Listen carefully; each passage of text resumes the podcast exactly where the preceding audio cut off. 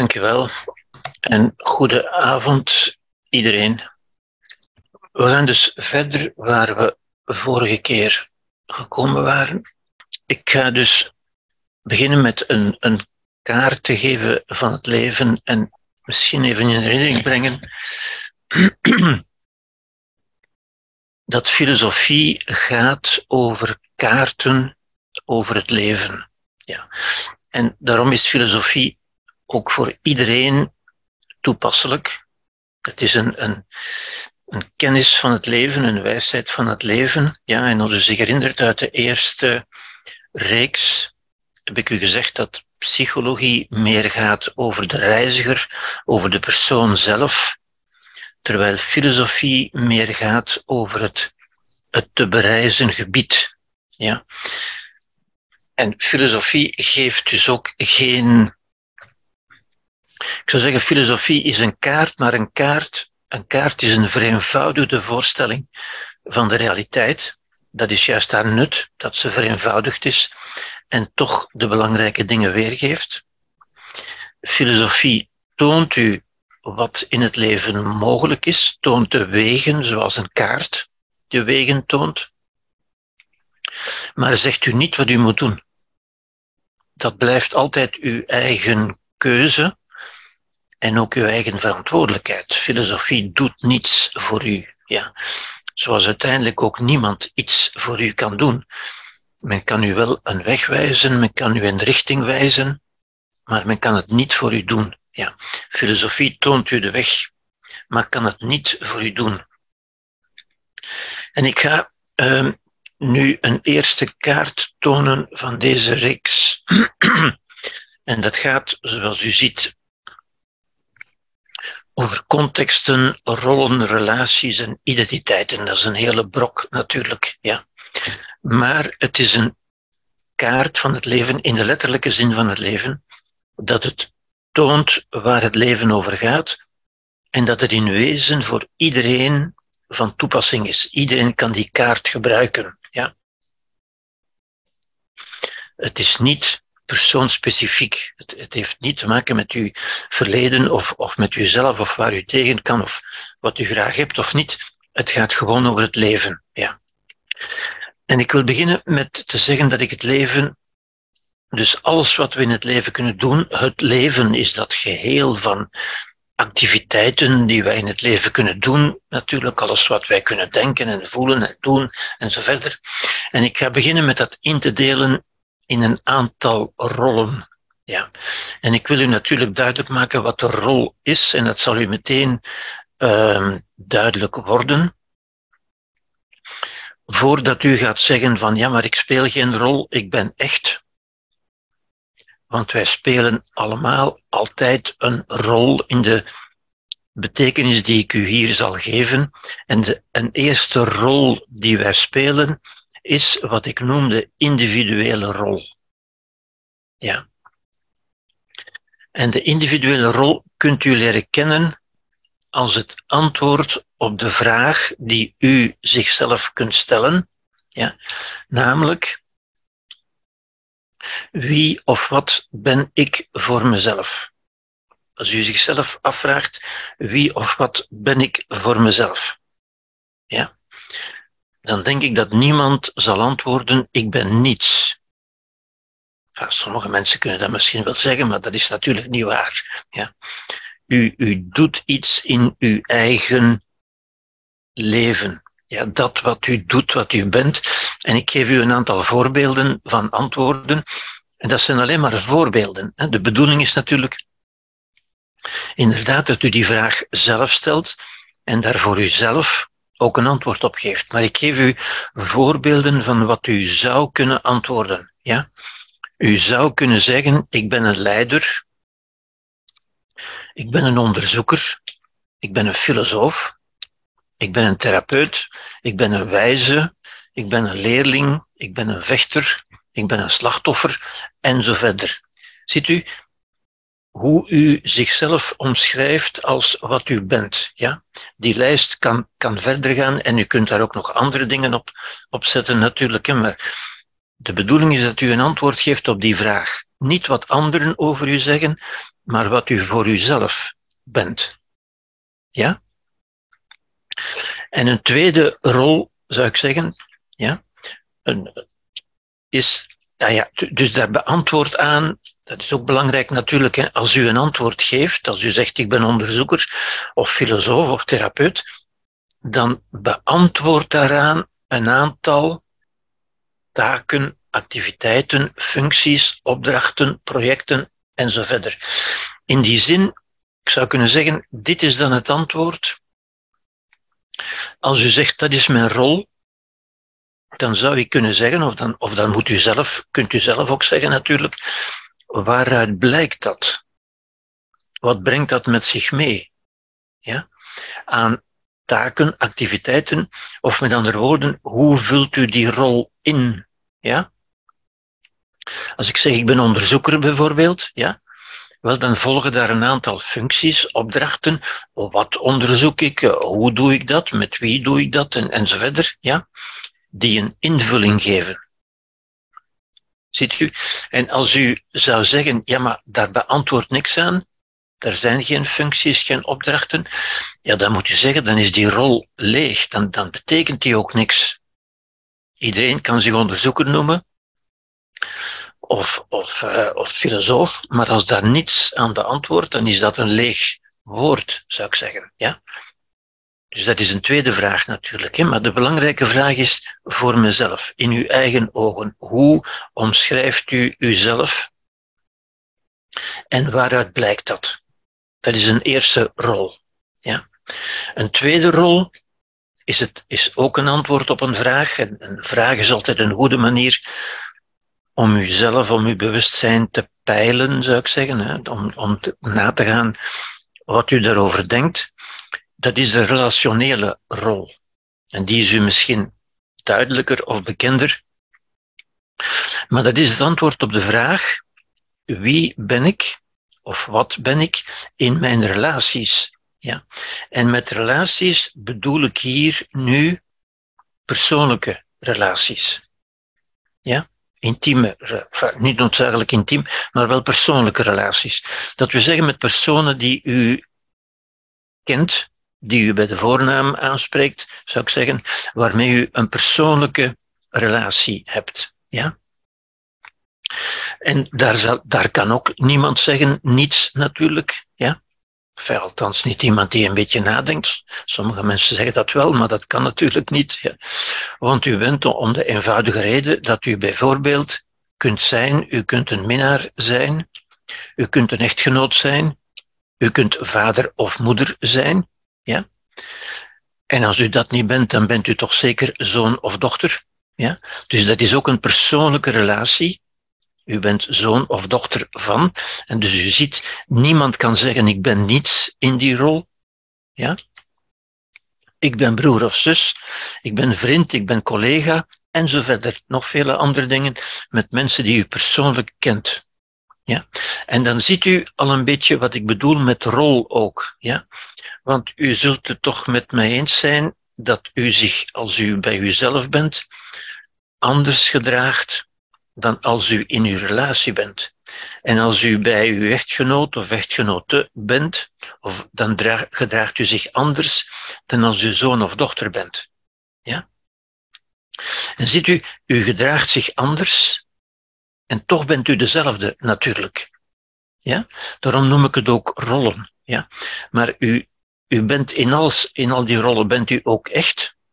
En toch zijn het rollen. Dat, zijn, dat wil zeggen, scripts, vastgelegde gedragspatronen naar gelang van een bepaalde omstandigheid.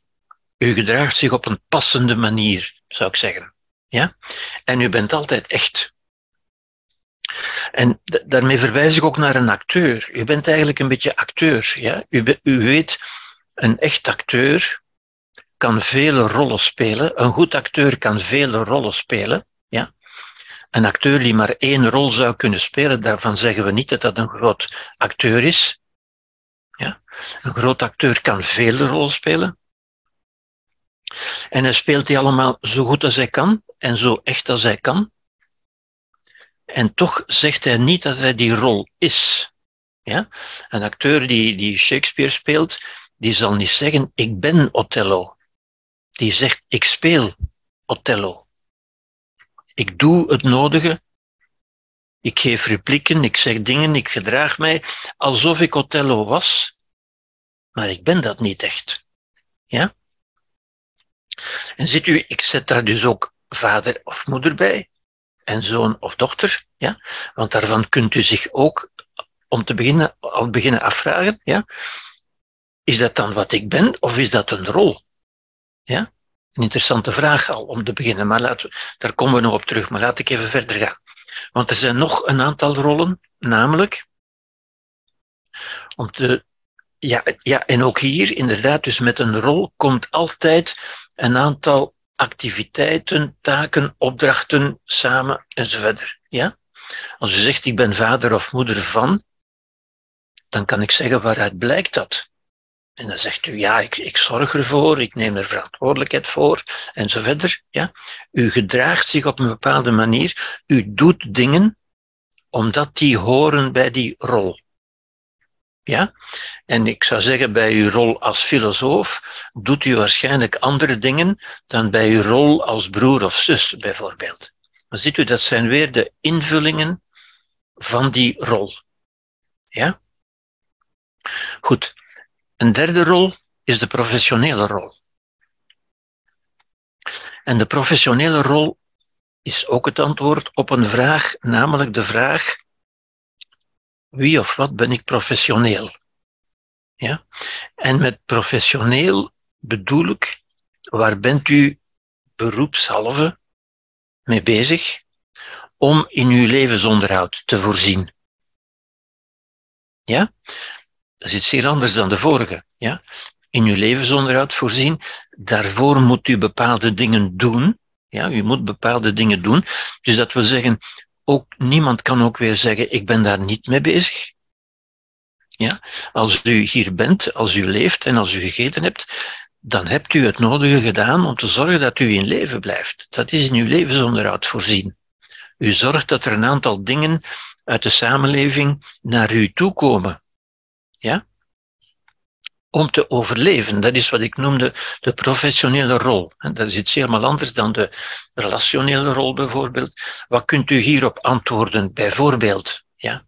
U zou kunnen zeggen, ik ben kunstenaar, ik ben ondernemer, ik ben organisator, ik ben leider, ik ben dienstverlener, ik ben supervisor, ik ben leraar of nog vele andere dingen. Ja? Allemaal mogelijkheden van dingen die u doet om in uw levensonderhoud, in uw overleving, laten we zeggen, te voorzien. Ja? En ook daar, als ik zeg, eh, als iemand zegt ik ben kunstenaar, iedereen kan dat zeggen, hè, maar waaruit blijkt dat?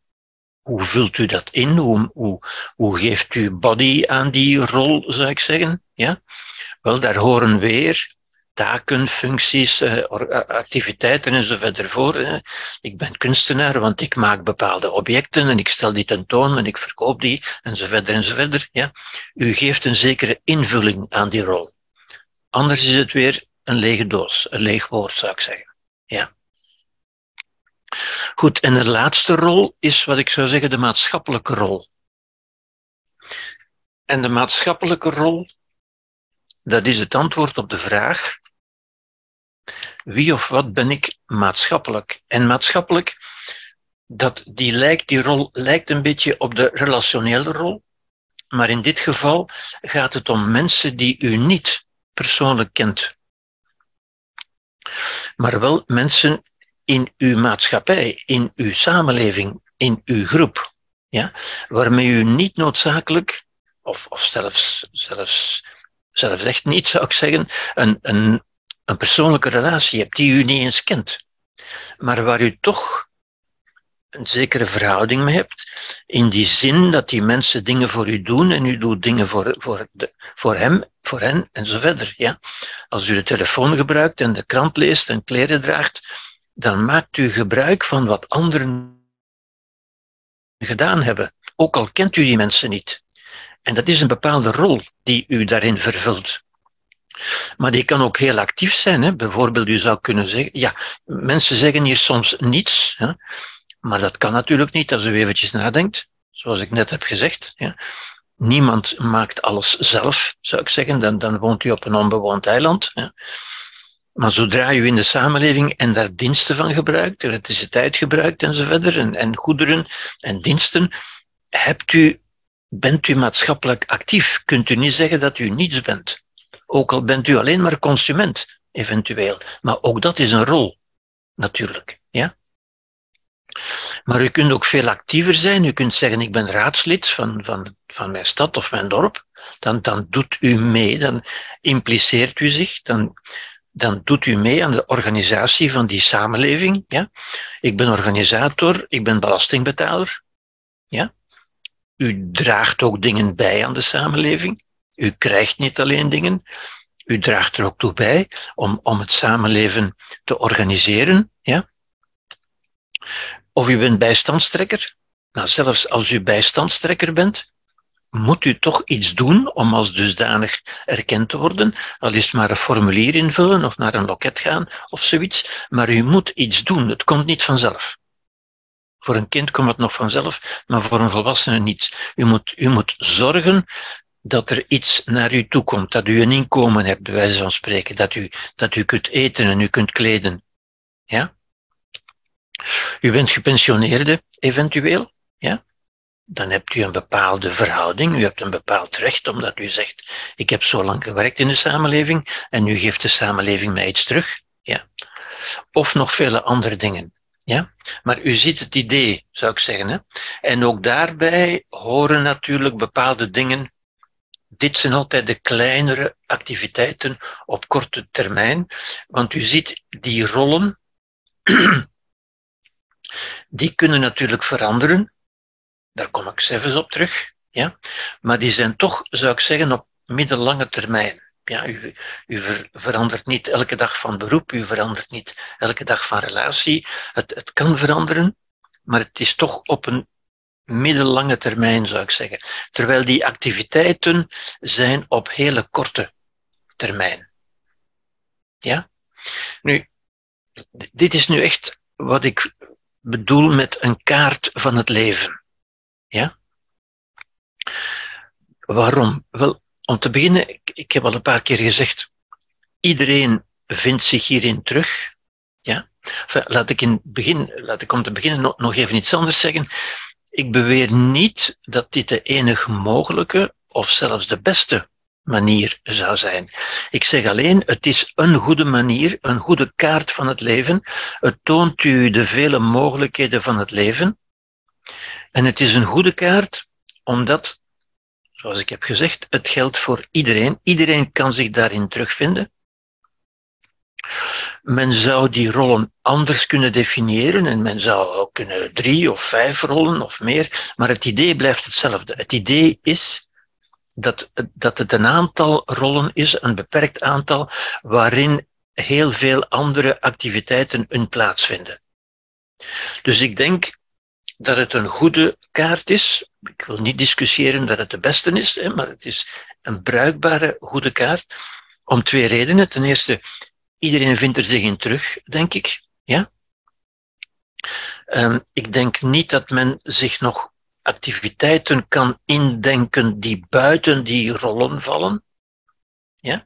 Dus het geldt voor iedereen. Iedereen vindt er zich in terug. En ook gelijk wat u doet, heeft zijn plaats in een van die rollen. Ja? Als u nu zegt, en, en dat is een interessante oefening om te doen ook, ja? Als u zegt, waarmee ben ik nu bezig? Als u zegt, stop, freeze, bevries, hè? Uh, arrêt sur image, freeze dit beeld, wat ben ik nu aan het doen? Dan kunt u zich afvragen, dat wat ik nu aan het doen ben, in welke rol past dat? Wat voor activiteit is dat en in welke rol past die? Ja? Dat geeft ook een zeker beeld natuurlijk van de activiteiten die u doet, die een volwassene doet. Ik leg de nadruk op een volwassene natuurlijk, het geldt niet voor kinderen. Um, wat een volwassene doet, elke kleine of grote activiteit of taak of functie of opdracht, vindt zijn reden van bestaan, zijn reden om het te doen, in een van die rollen. U kunt zeggen dan, ik doe dat omdat dat hoort bij, mijn, bij die of die rol. Dat we zeggen, dat is ook iets wat een zingeving. Die activiteiten krijgen een zin, een betekenis, zijn niet zinloos, met andere woorden, ja? omdat ze een plaats hebben in een bepaalde rol, waar u zich kunt over bezinnen, waar u kunt over nadenken. Ja? Dat is meteen ook de reden waarom mensen dingen doen. Of dat zou althans de reden moeten zijn. Ja? Want in de praktijk horen we natuurlijk vaak, als u mensen vraagt waarom doet u dat of waarom doet u dat, dat mensen zeggen, ja, omdat dat moet. Nu, ik zou zeggen, als u er zo over denkt, of als u dat antwoord zo hoort, dan zou u moeten zeggen van, dat is eigenlijk geen antwoord dat past bij een volwassen mens. Kinderen doen we dingen doen, omdat ze moeten. Ja? Maar een volwassene moet eigenlijk niets. Ja? Een volwassene heeft in principe redenen om te doen wat hij doet. Een volwassene heeft daar een goede reden voor, die anders is dan omdat dat moet. Ja?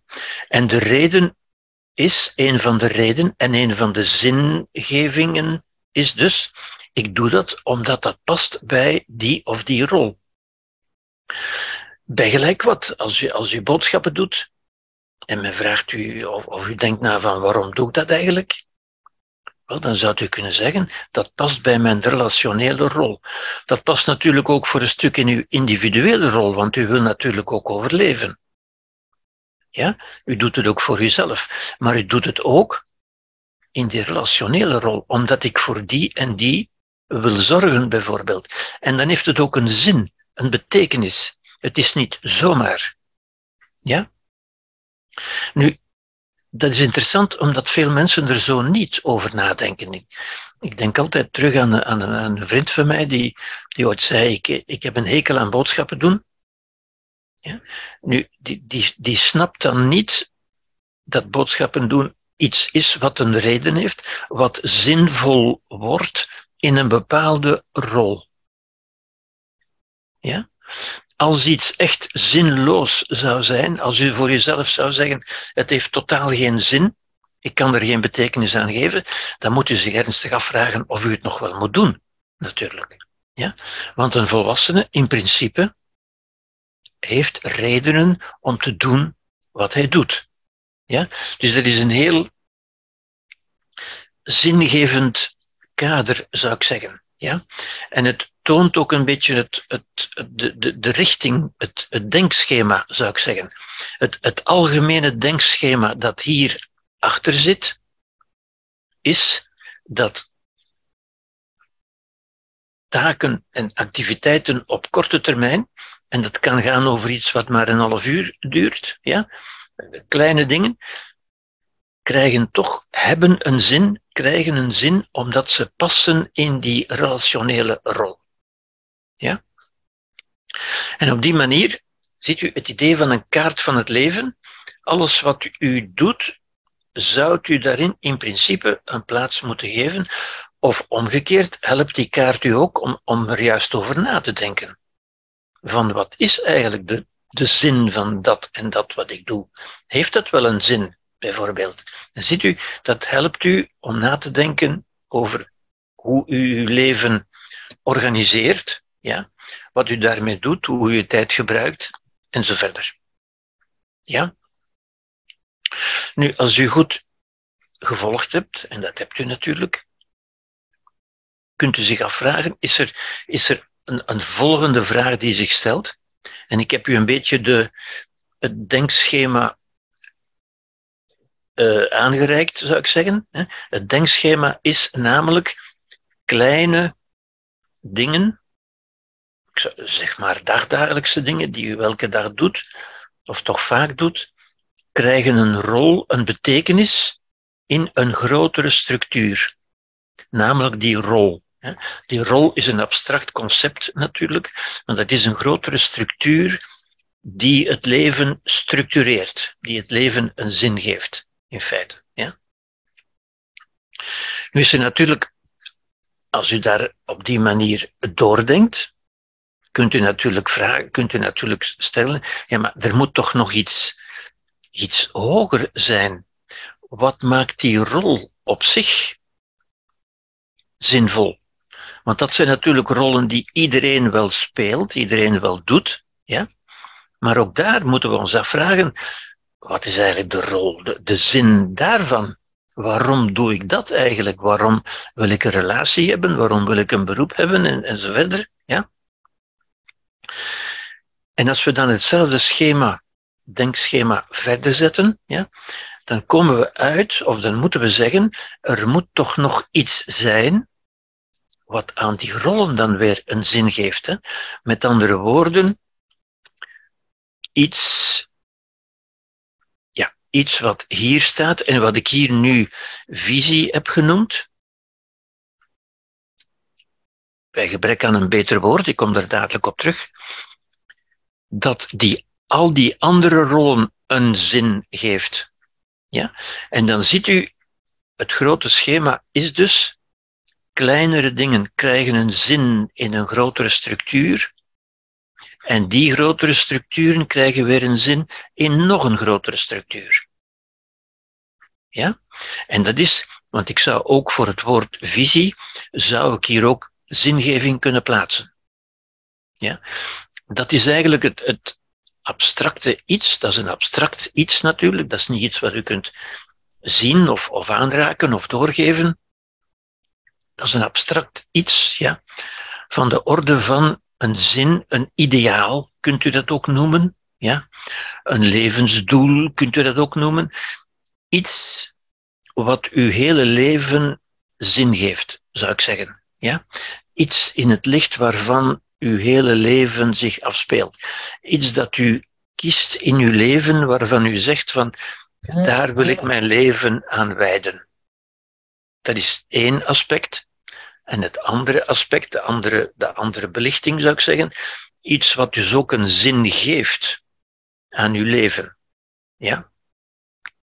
U ziet dus ook, dat is niet iets wat u, want dat is een abstract iets natuurlijk, dat is een waarde waar we, ik zal daar later ook nog op terugkomen, um, iets wat u definieert voor uzelf, wat u kiest in feite. Ja? Niet iets waar u moet naar zoeken, of althans niet zoeken in de zin van dat u hoopt dat ergens te zullen vinden. U kunt dat niet zomaar vinden. Ja. U kunt alleen voor uzelf een ideaal vormen, een levensdoel, een, een project zou ik hier ook kunnen zetten. Ja. De Chinezen zeggen uw, uw hemelse opdracht. Ja. Die u waarmee u uw leven wil leiden, zou ik zeggen. Ja? Dus dit gaat uiteindelijk over zingeving. En u ziet, elke kleine activiteit vindt een plaats, heeft een zin omdat ze past in een rol. En die rol heeft een zin omdat die past in een bepaalde visie, in een bepaalde levensopvatting, zou je kunnen zeggen. Ja? Een bepaald beeld over uw leven. Ja? Goed, ik, ik hoop dat dit duidelijk is en dat dit u ook duidelijk maakt wat ik bedoel met een kaart van het leven. Hier staat niet op wat u moet doen of wat u best zou doen. Ja? Hier staat wel op, als op een echte kaart, wat u allemaal kunt doen, wat allemaal mogelijk is. Ja? Maar het is natuurlijk altijd aan u om daarin een keuze te maken en uw weg te bepalen, zou ik zeggen. Ja? De bedoeling is ook dat dat u helpt om op een, op een ordelijke manier na te denken over het leven. Ja, goed. Um, ik zou zeggen, dit, die visie is een existentiële dimensie dat is een beetje een moeilijk woord natuurlijk, in de zin van dat is een zijnsdimensie, een manier van zijn. Ja? Dat is dus een abstract concept natuurlijk. Hè. Wie wil ik zijn? Ja, dat staat ook in die vragen. Hè. Wie, wie ben ik? Wie wil ik zijn? Wie ben ik? Ja. Tegenover die kleinere entiteiten, ja, dit, is, dit zijn dimensies van doen of hebben. Ja, doen of dingen die u kunt doen. Rollen zijn dingen die u doet, maar die u niet bent. Wat u bent is uw, uw zijnsdimensie, uw existentiële dimensie. Ja? Maar de tijd die u hebt, uw, uw zijn, uw leven, gebruikt u om bepaalde rollen te doen. Rollen zijn wat u doet, niet wat u bent. Ja? En u, u ziet al meteen, mensen zeggen natuurlijk, uh, ja, maar vader of moeder of zoon of dochter, dat ben ik toch wel. Wel, ik, ik zie dat zo niet. Hè. Dat is een bepaalde rol die u speelt gedurende een bepaalde tijd, die ook weer kan veranderen. Hè. Ik kom daar, kom daar dadelijk op terug. Want dat, dat belicht ook een aantal problemen en moeilijkheden waar ik het dadelijk zal over hebben en die in het licht hiervan duidelijk worden. Ja? Wat kunnen we zeggen? Wel, een visie, een droom, een passie, een ideaal, bundelt en organiseert uw interesses en uw talenten, kanaliseert energie en geeft betekenis en zin aan het leven. Ja? Projecten daarentegen, dat staat aan het andere einde, die kleine opdrachten, taken, projecten op korte termijn en rollen op middellange termijn, organiseren en structureren het leven in het kader van een levensvisie. Dus je ziet, die, die, die, dat is een coherent geheel, dat werkt op elkaar in, het, het geeft invulling aan en, het, het, in de omgekeerde zin geeft het betekenis aan, zou ik zeggen. Ja? Het gaat over organisatie, zin en betekenis en, en contexten dus ook. Ja? En je kunt dan ook, conclusie er is ook natuurlijk dat de afwezigheid van een visie, en dat is wat we vaak zien, leidt tot een existentieel vacuüm, dat we zeggen een leegte, Mensen noemen dat een leegte. Die mensen wel ervaren, maar die ze vaak niet eens kunnen benoemen. En ziet u, ook daartoe dient dit schema, deze kaart. Om te zien wat, wat is dat onbenoemde, die leegte die ik ervaar. Wel, dat is een gebrek aan een centraal concept. Ja? De afwezigheid van een visie leidt tot een existentieel vacuüm, dat we zeggen een leegte ja, die vaak als, als zwart wordt beschreven natuurlijk ook, een gebrek aan licht. Mensen zeggen dan, ik zit vast, uh, ik, ik, ik zie het niet. Ik heb geen licht, ja, ik zie het niet. Of ik ben geblokkeerd, zeggen mensen soms. Dat is natuurlijk onmogelijk, een mens is nooit geblokkeerd natuurlijk, ja. Een existentieel vacuüm, dat we zeggen, een leven van stille wanhoop en verveling. Vaak wordt dat dan gediagnosticeerd als depressie of als burn-out en, enzovoort. Ja. Als men dan naar de medische wereld gaat, wat mensen meestal doen in onze samenleving, ook een, ook een misverstand natuurlijk. Hè. Mensen gaan met dit soort problemen naar de medische wereld. Alhoewel dit op zich, ik hoop dat u dat duidelijk ziet, dat is geen medisch discours en geen medisch probleem.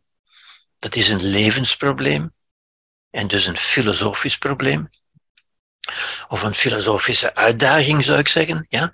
Een, een uitdaging om uw leven zinvol te structureren en te organiseren. Dat is geen ziekte, daar zijn geen pillen voor nodig. Er zijn ook geen pillen die dat vergemakkelijken. Ja? Met alleen maar, dus de afwezigheid van een visie, leidt tot een leven van stille wanhoop en verveling, een existentieel vacuüm. Met alleen maar, en dat zien we ook, alleen maar het zoeken naar onmiddellijke bevrediging wat ik de strategie van de kick noem.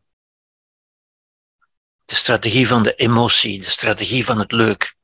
En het leuk situeert zich natuurlijk in, aan dit uiteinde, de kleine dingen die we kunnen doen, hè, gaan skiën of naar de sauna gaan of naar een restaurant gaan, en dat is allemaal leuk, leuk, leuk, maar dat geeft geen zin aan het leven natuurlijk. Hè. Dat is wat ik zo vaak uh, de bonbons van het leven noem. En nogmaals, er is niks mis met bonbons natuurlijk. Alleen geven die geen voeding, geven die geen invulling aan een volwassen bewustzijn. Het is geen voeding voor een volwassen mens. Ja, op zich is er niks verkeerd mee, alleen voldoet het niet. Ja, dit is wat een volwassen mens nodig heeft voor geluk, natuurlijk. Ja, geluk is, denk ik, is niet, maar geluk ervaart men.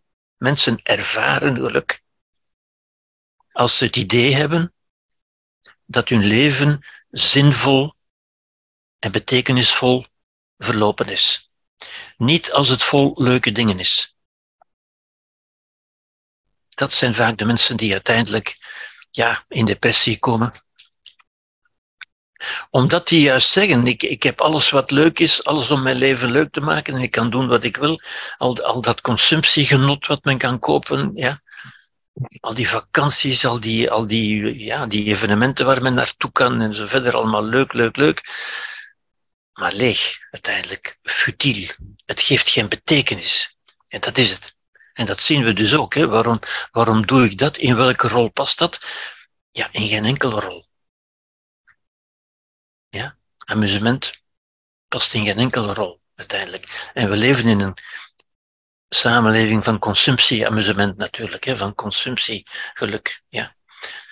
Ik, ik zeg zo wel eens tegen mensen, bijvoorbeeld, als u bijvoorbeeld denkt aan kinderen opvoeden, kinderen is zeker niet altijd leuk, maar het heeft wel een zin en u voelt er zich wel gelukkig bij. Waarom voelt u zich gelukkig? Waarom voelen de meeste mensen zich daar gelukkig bij? Wel omdat ze het idee hebben, ik heb het goede gedaan. Het was niet makkelijk, het was niet, niet leuk, maar het was het goede. En het goede doen, dat, is, dat leidt tot de ervaring van geluk. Dat is wat Aristoteles al zei in zijn tijd en wat men nog altijd nu zegt, men heeft nog altijd geen, geen beter ingrediënt voor geluk dan het goede doen. Ja. Een gelukkig leven is een leven waarin men het goede doet. Ja. Daar kunnen we natuurlijk over spreken wat het goede zou zijn, maar daar gaan we nog wel op terugkomen. ja, dus dit zou ik zeggen is een, is een eerste kaart. U, u weet, ik heb, ik heb nog zo'n kaarten gegeven in deel 1 natuurlijk. Maar dit is ook weer het idee van een filosofische kaart. Ja? Hier staat niet wat u moet doen, maar hier staat wel wat de mogelijkheden zijn. Ja. Oké.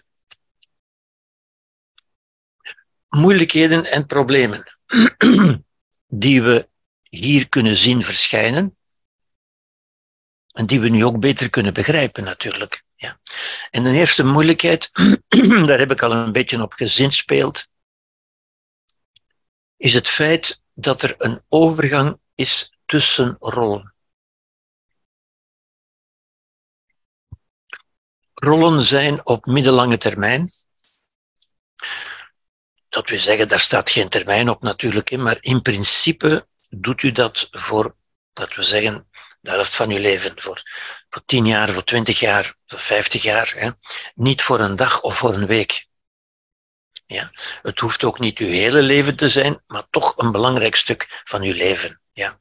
Nu, die rollen kunnen veranderen, heb ik al gezegd. En dat is vaak moeilijk, omdat het ook op misverstanden berust. Ja. Vaak is dat een natuurlijk verloop. Namelijk, u wordt geboren als kind en u wordt geleidelijk volwassene. Maar u ziet, dat is al een probleem. Ja? Want hoe weet ik dat ik volwassen ben? en dat komt heel concreet tot uiting op het niveau van die, van die kleine taken en opdrachten, weet u wel? Van beide kanten. Ja? Kinderen vragen zich af, ja, maar ik ben nu toch al volwassen of bijna volwassen. Moet ik nog doen wat ze mij zeggen? Een vraag. Onduidelijk antwoord. Ja. En volwassenen, ouders met name, vragen zich af, ja, maar mijn kind, uh, kan ik die nog wel bevelen geven? Kan ik die nog wel doen, doen wat ik wil? Ziet u, onduidelijkheid. En onduidelijkheid wil eigenlijk ook zeggen moeilijkheid, uh, wrijving, niet duidelijk weten, elkaar niet verstaan en zo verder. Ja? Uh, conflicten, ja.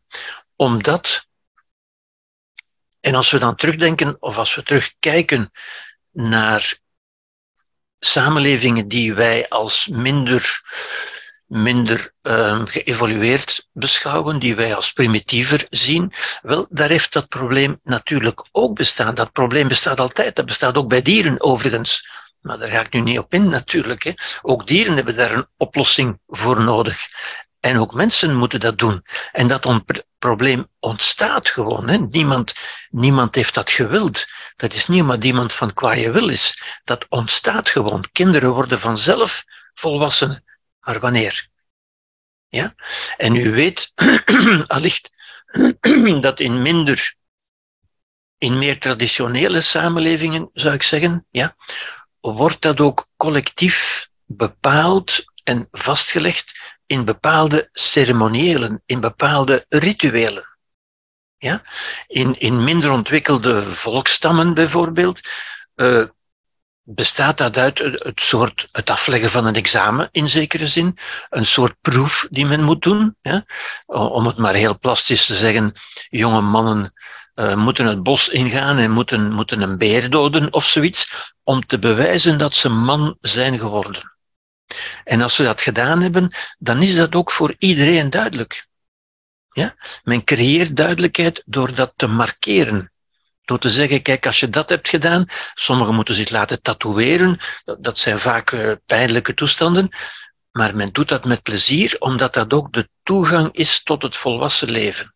En als die proef afgelegd is, dan weet iedereen, kijk, dit is nu een volwassen man, dat is geen kind meer. Ja? Dat geldt natuurlijk nog meer, zou ik zeggen, bijna nog meer voor, voor vrouwen. Ja? En ook vrouwen moeten door een soort ritueel, en ook dat wordt gemarkeerd, ja? van het onderscheid tussen een meisje en een huwbare vrouw. En dan weet iedereen, dit is nu een huwbare vrouw en dat is nog een kind.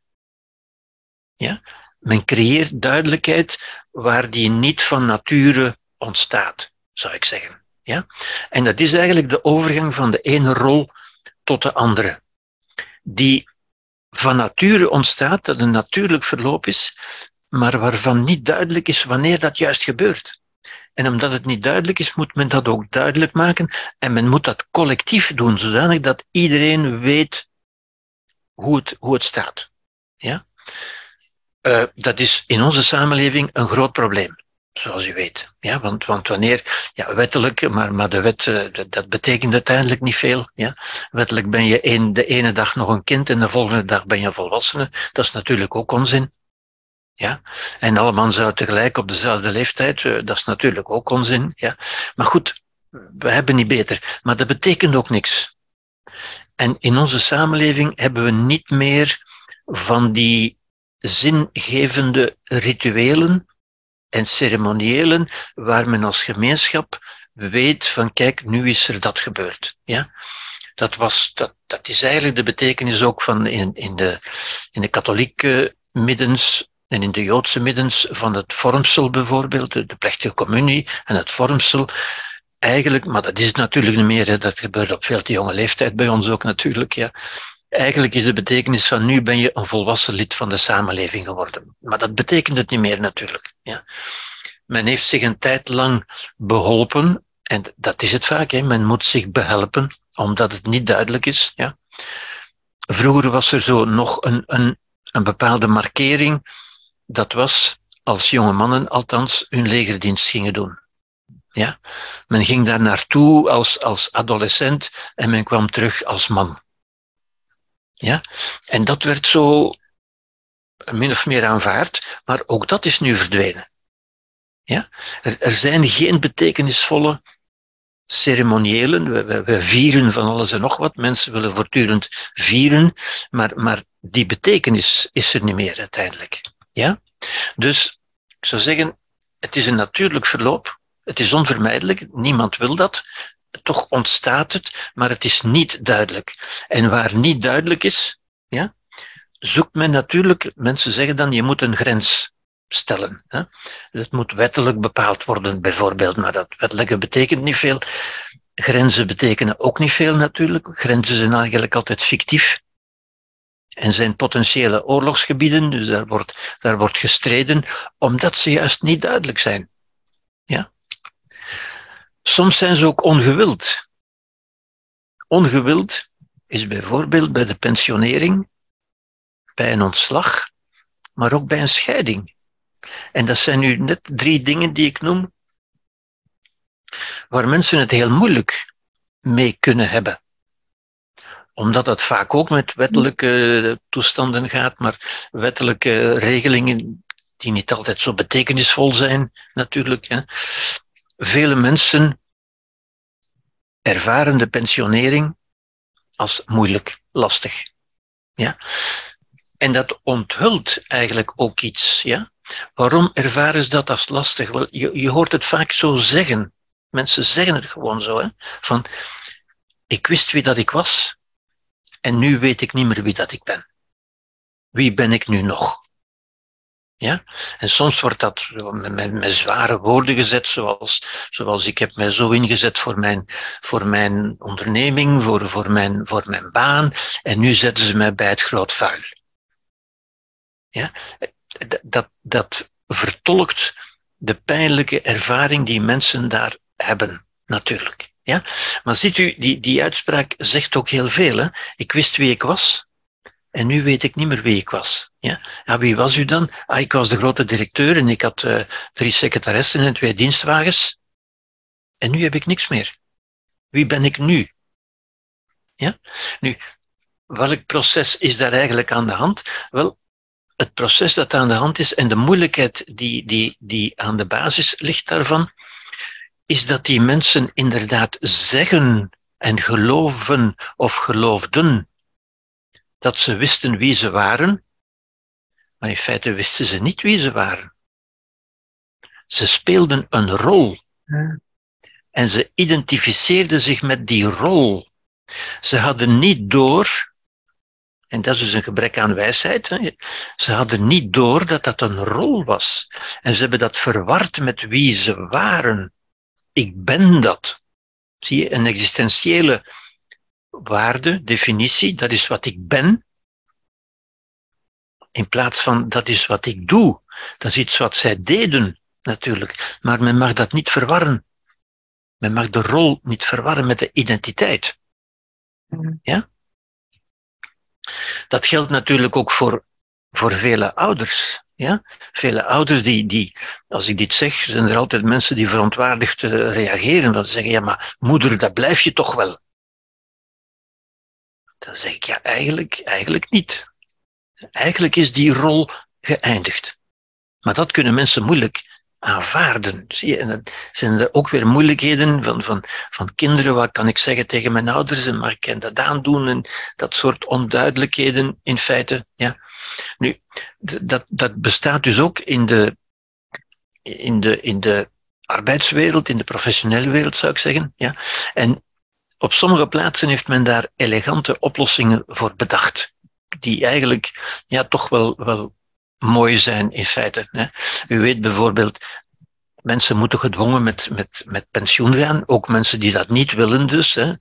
Hoogleraren bijvoorbeeld, of, of rectoren van universiteiten, of, of directeurs van ondernemingen enzovoort, die nog in, in volle activiteit zijn, maar de grens, de leeftijdsgrens, de wettelijke grens is gekomen en die mensen moeten stoppen. Wat als, wat als zeer onrechtvaardig eigenlijk wordt ervaren. En het misschien ook wel is, ja. Maar men heeft vaak dan wel voor de hogere posten natuurlijk, een oplossing gevonden. Hè. Dan zeggen ze, kijk, um, eigenlijk is uw loopbaan geëindigd, maar weet je wat, we gaan je nog een kantoortje geven en je mag daar nog naartoe komen en je bent nu wel geen directeur meer, maar je bent nu eredirecteur. Ja? En zie je, oh, wat een opluchting, ik ben eredirecteur, dus ik, ik weet weer wie ik ben. Ja? Ik heb weer een rol te vervullen. Ja?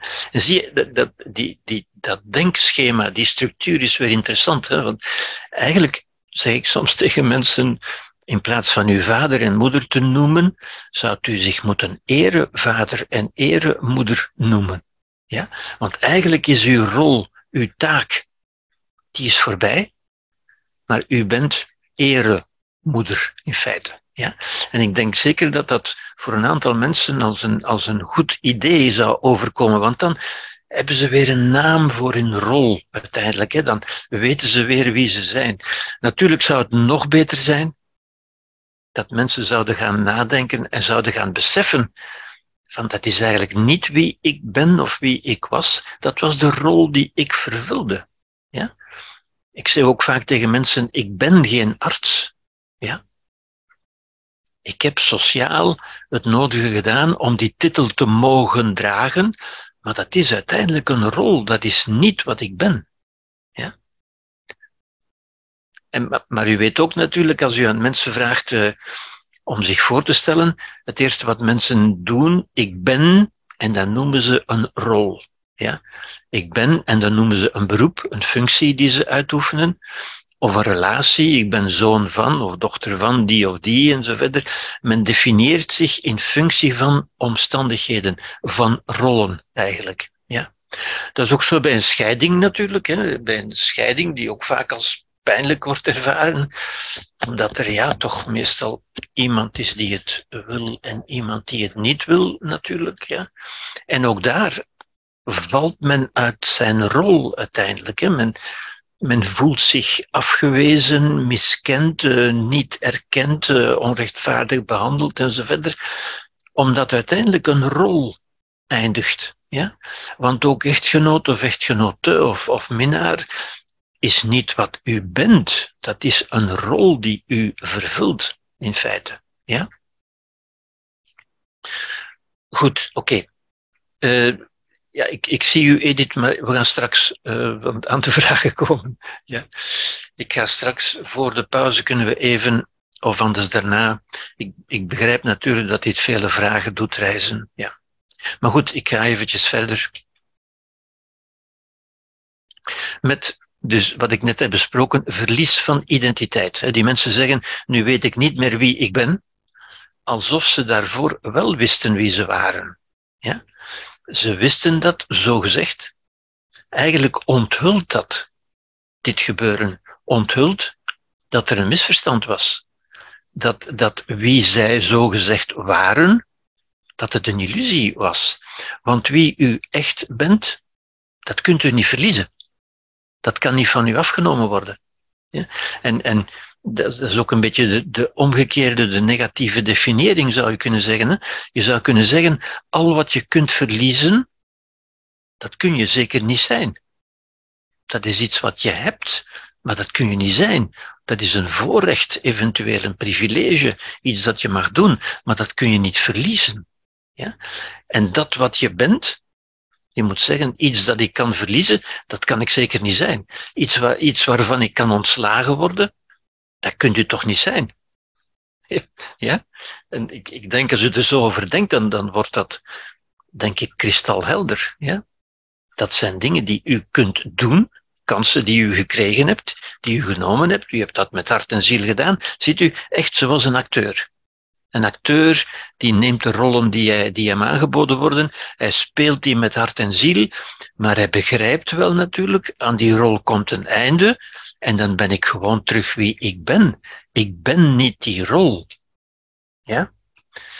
Goed, ik, ik denk als u erover nadenkt, dan zult u in het leven vele problemen, moeilijkheden zien die berusten op dit, op deze verwarring eigenlijk. Ja? Het probleem is dus, men noemt dat in de psychologie, zou u dat kunnen noemen, een overidentificatie met rollen. Ja? Alsof u dat was iets wat u mocht doen. En dan ziet u ook het, nut van wat ik uh, boven dat andere schema gezet had. Hè.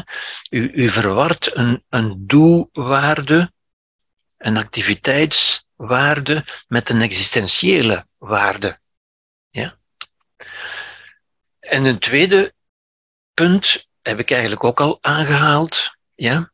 Ook aan de hand van dat schema kunt u eigenlijk uh, los van die problemen. Een ander probleem is, of wordt onthuld aan de hand van, dat, van, die, van die kaart, van dat schema. U kunt zich op elk moment afvragen, en dat is een heel goede vraag om te stellen ook, ja, waarom doe ik eigenlijk wat ik doe? Wat ben ik nu aan het doen en waarom doe ik dat? Of wat is de zin daarvan? Wat is mijn reden om dat te doen? Ja? Niet alleen dat ik het leuk vind of fijn vind, hè, dat, dat is nogmaals, dat is niet verboden, maar is er ook een volwassen reden om dat te doen? Ja?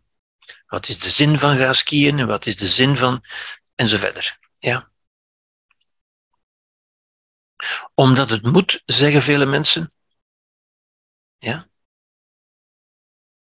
Dat is natuurlijk geen volwaardig en volwassen antwoord. Ja? Want in wezen moet u niets. Ja? Ik zeg altijd tegen mensen, u moet ook geen belasting betalen. Maar een volwassen mens begrijpt ja, ik, had gisteren nog zo iemand, en dat, dat choqueert mij dan altijd een beetje, van die, die, zei, die, die, die zei, ja, maar ik wil niet werken voor de staat. De staat wordt dan zo gezien als diegene die dat, die dat geld waar u hard voor gewerkt hebt, want Vlamingen werken altijd hard, blijkbaar, die dat geld komt, komt, komt, komt pikken, komt afnemen. Ja?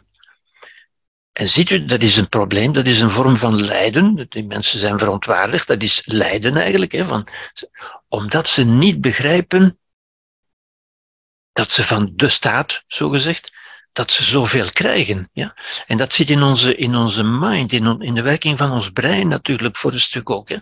Wij nemen dat, dat wat wij krijgen, dat wat op ons afkomt, dan nemen we op en dan zeggen we, oké, oké, dat is nu van mij, dat is van mij, er mag niemand nog aankomen. Maar als er iets verliest, dan vinden we dat heel erg natuurlijk. Hè? Als u de, de, de betogingen in Frankrijk ziet, uh, dan, dan, dan snapt u dat wel. Hè? Dat wat er is, dat is maar normaal. Maar iets dat er niet meer is, dat vinden we, dat vinden we ongelooflijk erg natuurlijk. Ja. Oké.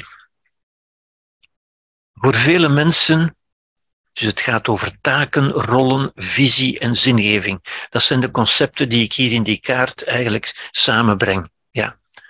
Voor vele mensen, vele mensen ervaren het leven als zwemmen in de dagelijkse stroom van gebeurtenissen zonder te weten waar men naartoe gaat. Zonder visie, met andere woorden. Zonder, zonder een doel, zonder een, een project. Ja? Dat is geen psychisch probleem. Die mensen zijn niet ziek, zijn niet dom, zijn niet slecht, zijn niet lui. Ja? Die hebben gewoon daar niet over nagedacht. En nadenken, dat is filosofie, dat is geen psychologie. Ja? Die hebben er niet over nagedacht. Niet omdat ze dom of lui zijn, ook niet. Of omdat ze niet zouden kunnen denken. Maar omdat we daar niet toe aangezet worden. Omdat we dat gewoon ook niet geleerd hebben. Ja?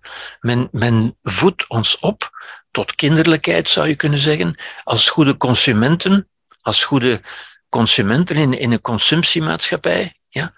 maar niet om mens te worden, om een volwassen mens te worden. We leven in, in een samenleving van infantiliserend plezier en amusement zonder menswording, zonder begeleiding tot het volwassen mens worden, uiteindelijk als proberen hoger te komen op een roltrap die naar beneden gaat.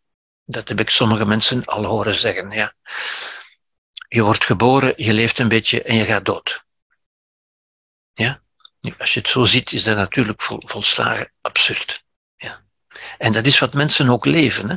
de absurditeit van het leven. Wat ze uiteindelijk als pijnlijk gaan ervaren ook. Hè? een, een psychische pijn, ik, heb in deel 1 gezegd, gezegd wat psychische pijn is, hè, dat is iets anders dan lichamelijke pijn natuurlijk, hè, dat, dat is lijden. Ja.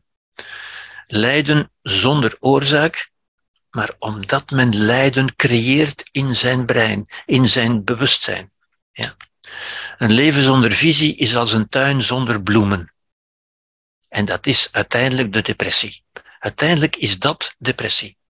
Depressie is dus ook geen ziekte, die u overvalt of waar u in terechtkomt of, of in valt of zoiets. Ja? Maar is dat soort leven Als u uw leven zo organiseert, of als uw leven voor u zo georganiseerd is, want u hebt dat natuurlijk, die mensen hebben dat zeker niet bewust zo gedaan. Het is juist door de onbewustheid, door de onwetendheid, zoals de Boeddha zou zeggen. En dus ook hier zie je eigenlijk veel lijden ontstaat uit onwetendheid. Niet uit slechtheid of niet uit domheid. Geboren worden, school lopen, een baan, een partner, kinderen, pensioen, kleinkinderen en doodgaan. Ja? Als u dat zo naast elkaar zet, is dat natuurlijk een absurde bezigheid. Ja?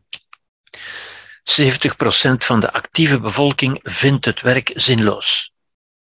Dit heb ik genomen uit, uit een, een enquête, ik denk door, um, door een werkgeversorganisatie, OKA of zoiets, die dat ongeveer een jaar geleden, of, of iets meer, uh, heeft dat in de kranten gestaan ook, die een onderzoek hebben gedaan bij mensen. Ja. En 70% van de actieve bevolking vindt zijn werk zinloos.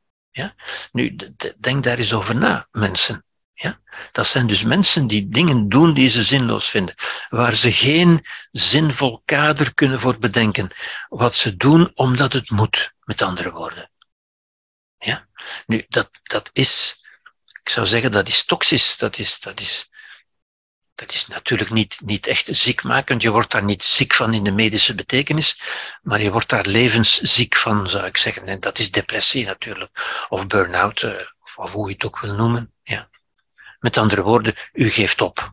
U zegt, dit kan ik niet meer, dit wil ik niet meer. Ja. Een probleem ook van vele ouderen en vele alleenstaanden ook natuurlijk. Ja.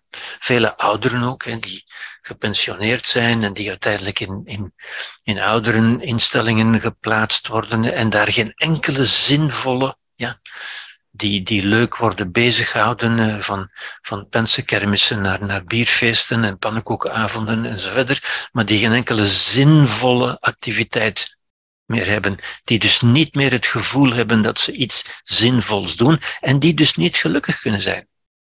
Die eigenlijk ongelukkig zijn daar. Ja. En dat is het omgekeerde, dat, dat doen wij dus als samenleving, wij vinden dat goed. Dat is het omgekeerde van wat wij dus ook doen. Uh, ik heb het ook op Facebook ooit geschreven, niet lang geleden zoals wij kinderen en baby's samenbrengen, zodat ze zich leuk kunnen amuseren samen, zo zetten we ook die oudjes samen, ja. En daardoor verliezen we ook die, die nuttige interactie. Kinderen verliezen het contact met, met inspirerende volwassenen, want ze zijn leuk onder elkaar bezig, ja.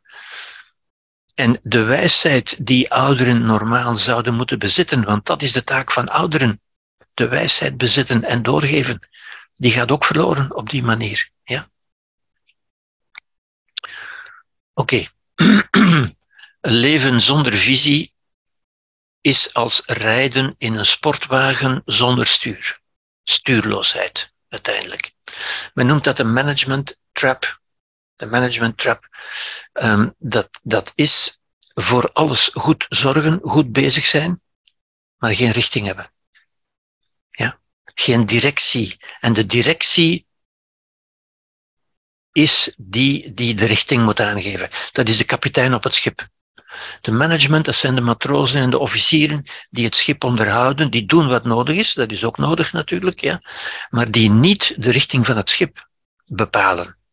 Ja?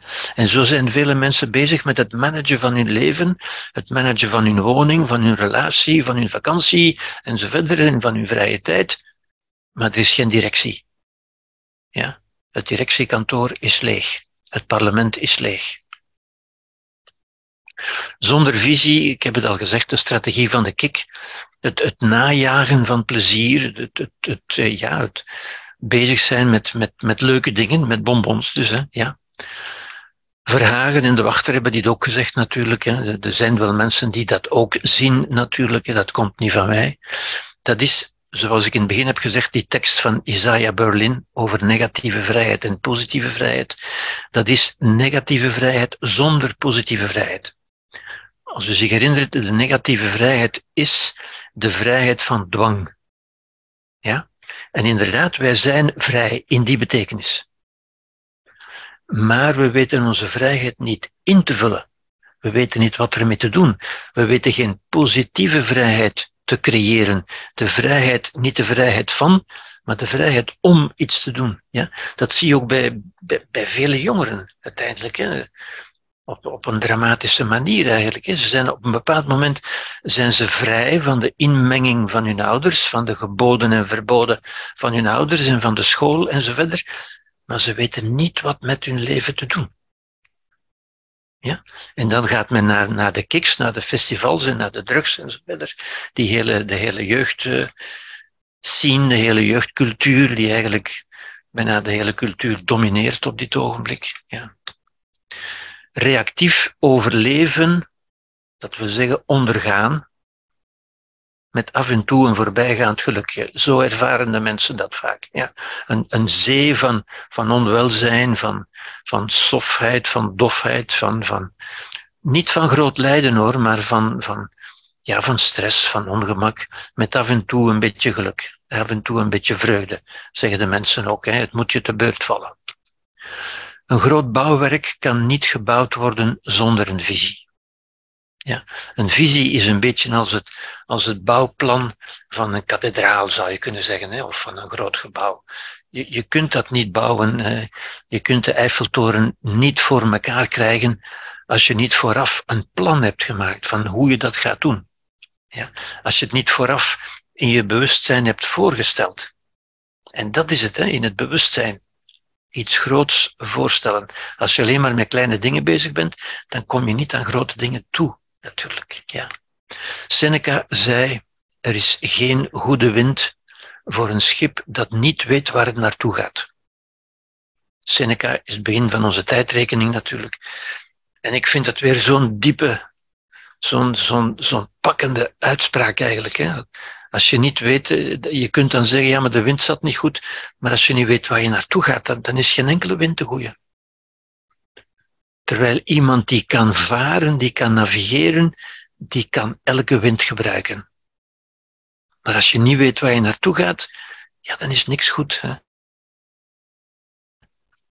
Dat, is, dat staat ook in Alice in Wonderland. Alice die vroeg aan de kat, hoe moet ik nu verder gaan? Kun je me zeggen hoe ik verder moet gaan? En toen zei, toen zei de kat, waar wil je naartoe? En Alice zei, ja, ik weet het eigenlijk niet. Ja, zei de kat, dan is geen enkele weg de goeie. Ja. Staat in Alice in Wonderland. Eigenlijk, als je dat een keer door hebt, is dat zo, zo evident, zo kristalhelder. En als mensen dat niet weten, is het niet omdat ze dom of lui of slecht zijn, maar omdat het gewoon niet onder onze aandacht gebracht wordt. Probleem weerom van vele ouderen en alleenstaanden, natuurlijk, ja. Oké, een gelukkig leven daarentegen, zoals ik daarnet al heb gezegd, een gelukkig leven is een zinvol, een proactief leven. Een leven van ondernemen in plaats van ondergaan. En een mens is een ondernemer, geen ondergaander. Dat is wat we van, van biologische geaardheid zijn. Een mens wil, het leven wil dingen doen. Ja. Met een visie en een missie. Ja, en, en u, u, zult die woorden herkennen. Ik heb ze ook met opzet hier gebruikt natuurlijk, hè, want het is merkwaardig, het is opvallend, interessant, dat de professionele wereld zich wel bewust is van die woorden. Ja. En u ziet ook vaak ondernemingen zeggen, spreken tegenwoordig vaak over hun visie en over hun missie. Interessant, ja, op een, op een goede manier. Wel, ons leven is ook een onderneming waarvoor wij een visie en een missie zouden moeten hebben. Ja? Wat is een visie? Wel, een visie is, ik heb, het daar straks ook al gezegd, een visie is wat je wil zijn. Ja? Dat zou is natuurlijk onmogelijk. Hè. Een kind kan dat niet bedenken. Dat, is, dat zou het uitgangspunt moeten zijn. Ja? Als je die visie hebt, dan kun je gaan afvragen, oké, wat hoe ga ik die visie nu waarmaken? Welke rollen ga ik vervullen? En hoe ga ik die vervullen? En verder. Ja? Ziet u, die, die hangen eigenlijk af van die visie. Maar het leven loopt natuurlijk anders. Een, een kind kan zo niet denken.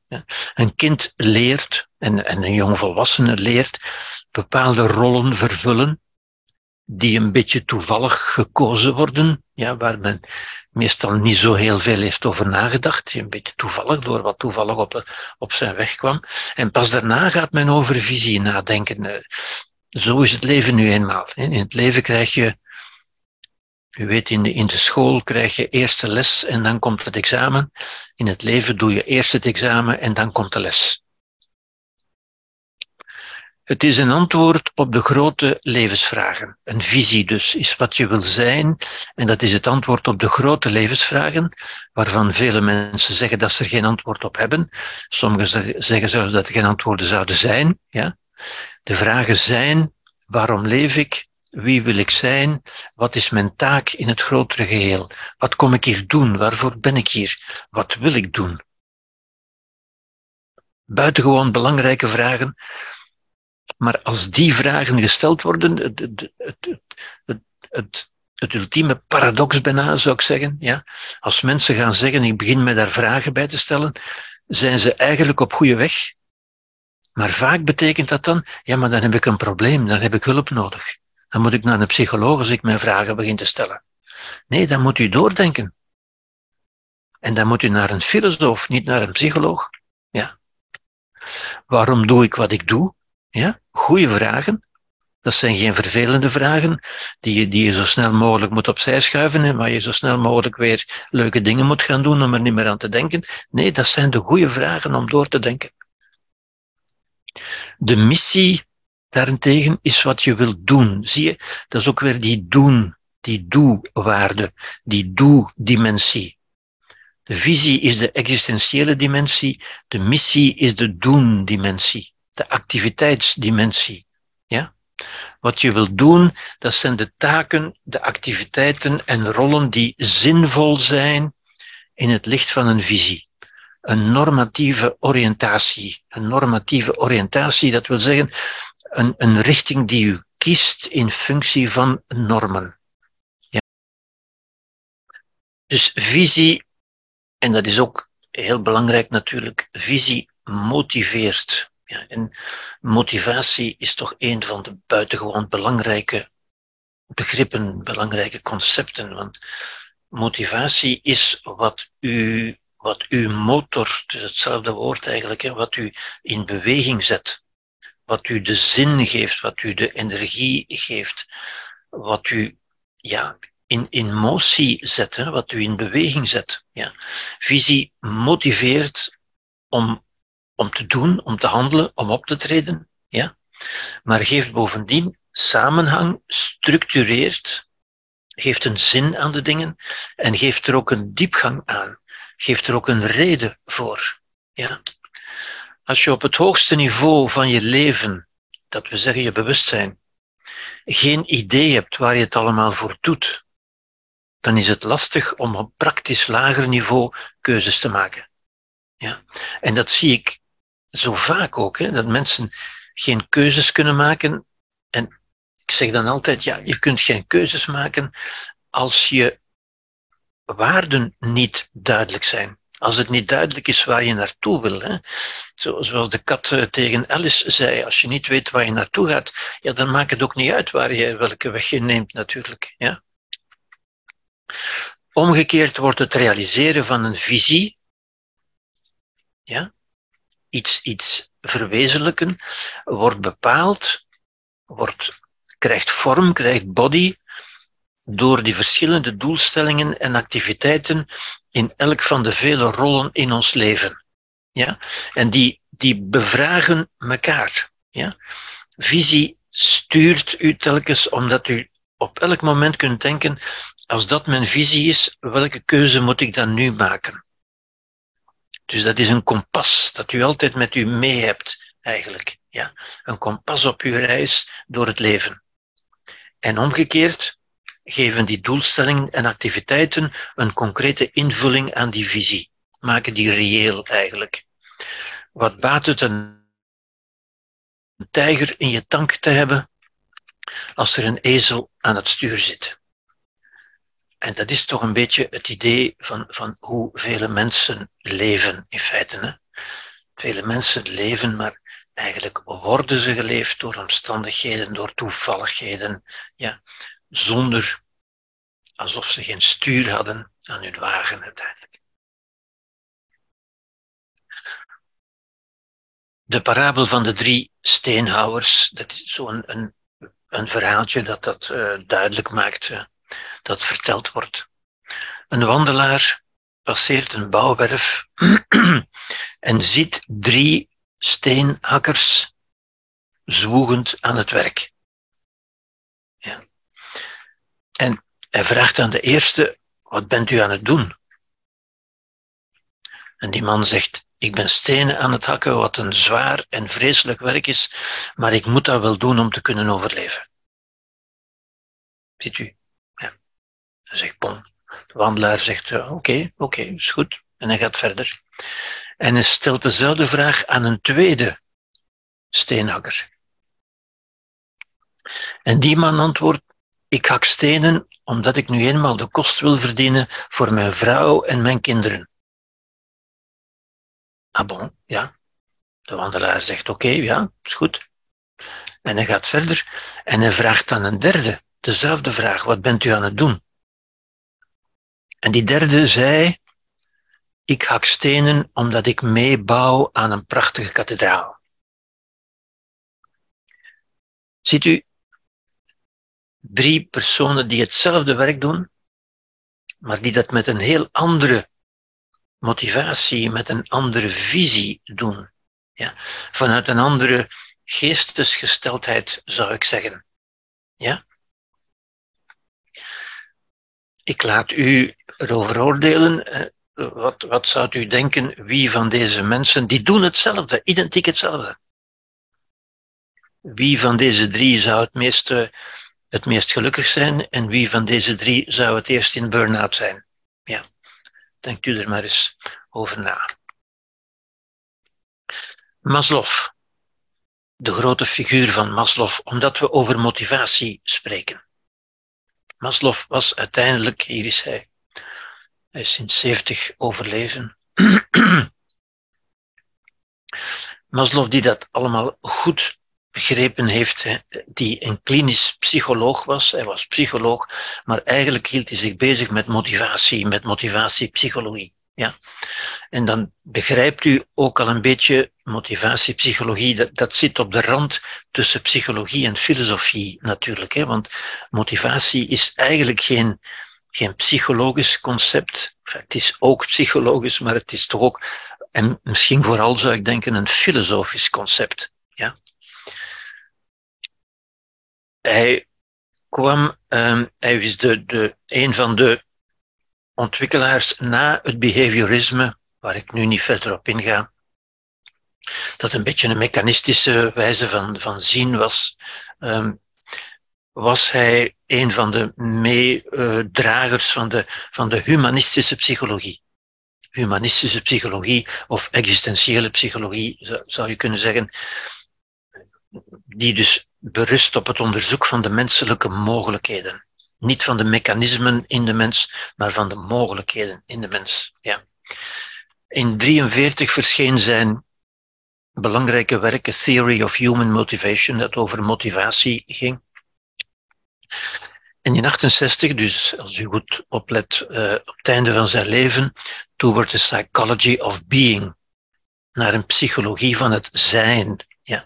Nu, het, het zijn is natuurlijk een filosofisch concept waar hij in psychologie over schreef, omdat hij psycholoog was natuurlijk, maar eigenlijk gaat dit voor een stuk, voor een groot stuk over, over filosofie. en in 71, na zijn dood gepubliceerd dus, The Father Reaches of Human Nature, de, de verdere ontwikkelingen van de menselijke natuur. Ja. Hij had het vooral, of hij heeft vooral veel aandacht besteed aan piekervaringen, wat men nu flow is gaan noemen. Na Csikszentmihalyi is men dat flow gaan noemen. Of wat hij ook noemde zelftranscendentie. Zelftranscendentie, dat, dat lijkt een moeilijk woord, maar dat wil eigenlijk gewoon zeggen, transcendentie wil altijd zeggen grensoverschrijdend, wat een beetje in een negatief daglicht staat tegenwoordig, maar eigenlijk wil hij daarmee zeggen, je eigen grenzen, je zelftranscendentie, je eigen grenzen verleggen. Natuurlijk zou je kunnen argumenteren, een grens die je kunt verschuiven, dat is natuurlijk geen echte grens. Want dan, was het geen grens, want een echte grens kun je niet verschuiven natuurlijk. Ja. Daarom zijn de meeste grenzen ook fictie, want je kunt ze wel, een grens die je kunt overschrijden, dat is ook geen grens natuurlijk, dat is een illusie. Ja? Een echte grens kun je niet overschrijden. De wetten van de natuur, die, die kun je, daar kun je niet overheen. Je kunt niet, uh, de wet van de zwaartekracht kun je niet overschrijden. Ja? Grenzen die je kunt overschrijden zijn, zijn uit de aard van de zaak zelf al geen echte grenzen meer. Dat zijn conventies. Dat zijn afspraken. Ja? Maar goed, hij had het dus over jezelf overtreffen in zekere zin. Eigenlijk voortdurend meer jezelf worden, je eigen mogelijkheden ontwikkelen, zou ik zeggen. Hè? Dat is dus een existentieel humanistische benadering. Ja? Versus tegenover dus wat men nu wetenschap noemt, dat wil zeggen de biologisch-neurologische benadering. Dat wil zeggen, de mens gezien als een geheel van mechanismen, van algoritmen eigenlijk, van biologische algoritmen, ja, alsof de mens geen keuze meer had, alsof een mens bepaald zou worden door neurologie, door neurotransmitters en zo verder. En u weet, dat, is, dat zijn de verklaringen die men nu geeft. Terwijl motivatie over iets anders gaat dan neurotransmitters natuurlijk, hè, maar over iets veel moeilijker ook, namelijk over een bewustzijn, over filosofie. Dus dat kun je niet wetenschappelijk onderzoeken. Ja? Neurotransmitters wel, vandaar de grote, de grote obsessie met neurotransmitters natuurlijk. Dit is zijn schema dat de meesten onder u zullen kennen, denk ik, maar wat ik toch even voor de goede orde wil tonen, ja, waarin hij de verschillende menselijke behoeften, menselijke verlangens, zou ik eigenlijk liever zeggen. Menselijke, menselijke ja, de, de wil tot leven die zich uit, dat, dat, is ook, dat zie je ook hier, dat schema, dat denkschema uit zich ook hier. De wil tot leven is het grote, de grote motivatie, maar die uit zich in kleinere motivaties, namelijk die verschillende verlangens die men vaak behoeften noemt. Ik noem dat liever geen behoeften, tezij het onderste, want het onderste zijn de dingen die je echt nodig hebt, echt nodig om te overleven. Dat we zeggen, als je die niet hebt, dan ga je dood. Al de andere zijn meer verlangens dan behoeften. Dat we zeggen, als je die niet hebt, is dat vervelend, is dat, is dat lastig, maar je gaat niet dood. Ja? Maar je hebt wel geen gelukkig leven natuurlijk. Hè? Je hebt een moeilijk leven, een lastig leven, maar je gaat er niet van dood. Dus het onderste, de groene, zijn de fysiologische behoeften. De behoeften aan, aan eten, aan drinken, aan slapen enzovoort. Ja? Veiligheidsbehoeften, dat is al helemaal iets anders, dat is al heel subjectief. Ja? De, de, het verlangen, zou ik zeggen. Het verlangen van je veilig, je beschut te voelen, ja? Niet voortdurend angstig te moeten zijn. Beschut tegen angst eigenlijk. Ja? Daarboven staat het verlangen naar tot iets, tot een groep mensen behoren.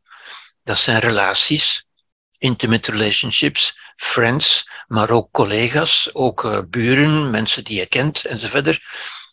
Het verlangen naar ergens bij horen en het verlangen naar liefde ook het, het verlangen naar waardering, naar menselijk contact zou je kunnen zeggen, de sociale behoeften. De esteem needs, dat zijn wat men soms ook de ego-behoeften noemt, of de ego-verlangens, zou ik liever zeggen. Dat is het verlangen om gezien te worden als iemand bijzonder. Prestige. Het gevoel van iets gerealiseerd te hebben, iets gedaan te hebben. Ja? En dan wat hij noemde self zelfactualisatie, self-actualization. Dat we zeggen het realiseren van uw persoonlijk potentieel. Dat is iets wat, wat Aristoteles eigenlijk ook al zei. Ja. Het geluk voor een mens is het realiseren van zijn hoogste vermogens. En daar plezier in vinden. Maar, maar, dat is een plezier op zich, zou je kunnen zeggen. Dat vele mensen alleen maar niet kennen omdat ze het nooit gedaan hebben. Omdat we er ook niet toe aangezet worden, in feite. Ja? Men, men fixeert zich vaak op die lagere vormen, die lagere verlangens. En men denkt ten onrechte dat als al die verlangens voldaan zullen zijn, dan zal ik gelukkig zijn. Wel zegt Maslow, nee, je hebt nog iets meer nodig. Of je verlangt, het wordt in jou verlangd, zouden we kunnen zeggen. Je hebt dat niet nodig. Het is een, het is een logische behoefte. Je hebt dat nodig om gelukkig te zijn. Ja. Een volwassene heeft het nodig, wil weten dat hij iets goeds heeft gedaan, dat hij zijn, met andere woorden, zijn hoogste vermogens heeft gebruikt, zijn redelijkheid. Niet alleen voldaan aan zijn verlangen naar bonbons, naar fijne dingen, naar leuke dingen, maar ook naar het goede, het doen van het goede. Ja. En ja, dit is een beetje hetzelfde natuurlijk. en dit is het schema dat, uh, dat ook in zijn later boek staat, het boek uit 71. waarin hij dus duidelijk zegt, of waarin men duidelijk zegt, dat het, het, het geluk is, is de top van die piramide. En de top van die piramide is helaas wat vaak bij vele mensen niet of onvolledig, onvoldoende is ingevuld. Ja. Nogmaals, niet omdat mensen lui of dom of slecht zijn, maar omdat men ons daar niet toe brengt, omdat men ons dat niet bijbrengt, omdat men ons dat niet uitlegt, omdat men ons daar niet wakker voor maakt. Eigenlijk is wakker worden het goede woord. Goed, um, dus ik geef ze nog een keertje hier, een beetje schematischer, de fysiologische behoeften. Dat is wat bij een klein kind ook aanwezig is. Een klein kind wordt geleefd door zijn basisbehoeften. Dat we zeggen, de loutere wil om te overleven. Ja? Die zich uit, die in dat kind aanwezig is. Je kunt niet eens zeggen dat dat kind dat wil. Je moet zeggen, die wil is in dat kind aanwezig dat kind wordt gestuurd door die wil. Ja? Die ook in ons zit natuurlijk, maar wij hebben bovendien een bewustzijn waarmee we die wil kunnen bekijken, overwegen, er afstand van nemen en er al dan niet op ingaan. Ja? De veiligheidsbehoefte en de affiliatiebehoefte, de sociale verlangens zou ik zeggen, ja, die ontstaan later. Dat zijn de emotionele en sociale behoeften, verlangens, zou ik liever zeggen. Ja. Dat is ook de lustbeleving waar Freud het over heeft. Affectie, aanvaarding, erkenning en macht, waar Adler het over heeft. Of op Adler kom ik dadelijk nog even terug. Ja. De ego-behoefte en de zingevingsbehoefte. Bij een volwassene, dus dat komt nog later, die ontstaan later. En dat zijn verlangens die in de mens ontstaan. Men, men, men beslist dat niet, men, men neemt die waar, die ontstaan in de mens, ja, met het toenemende bewustzijn.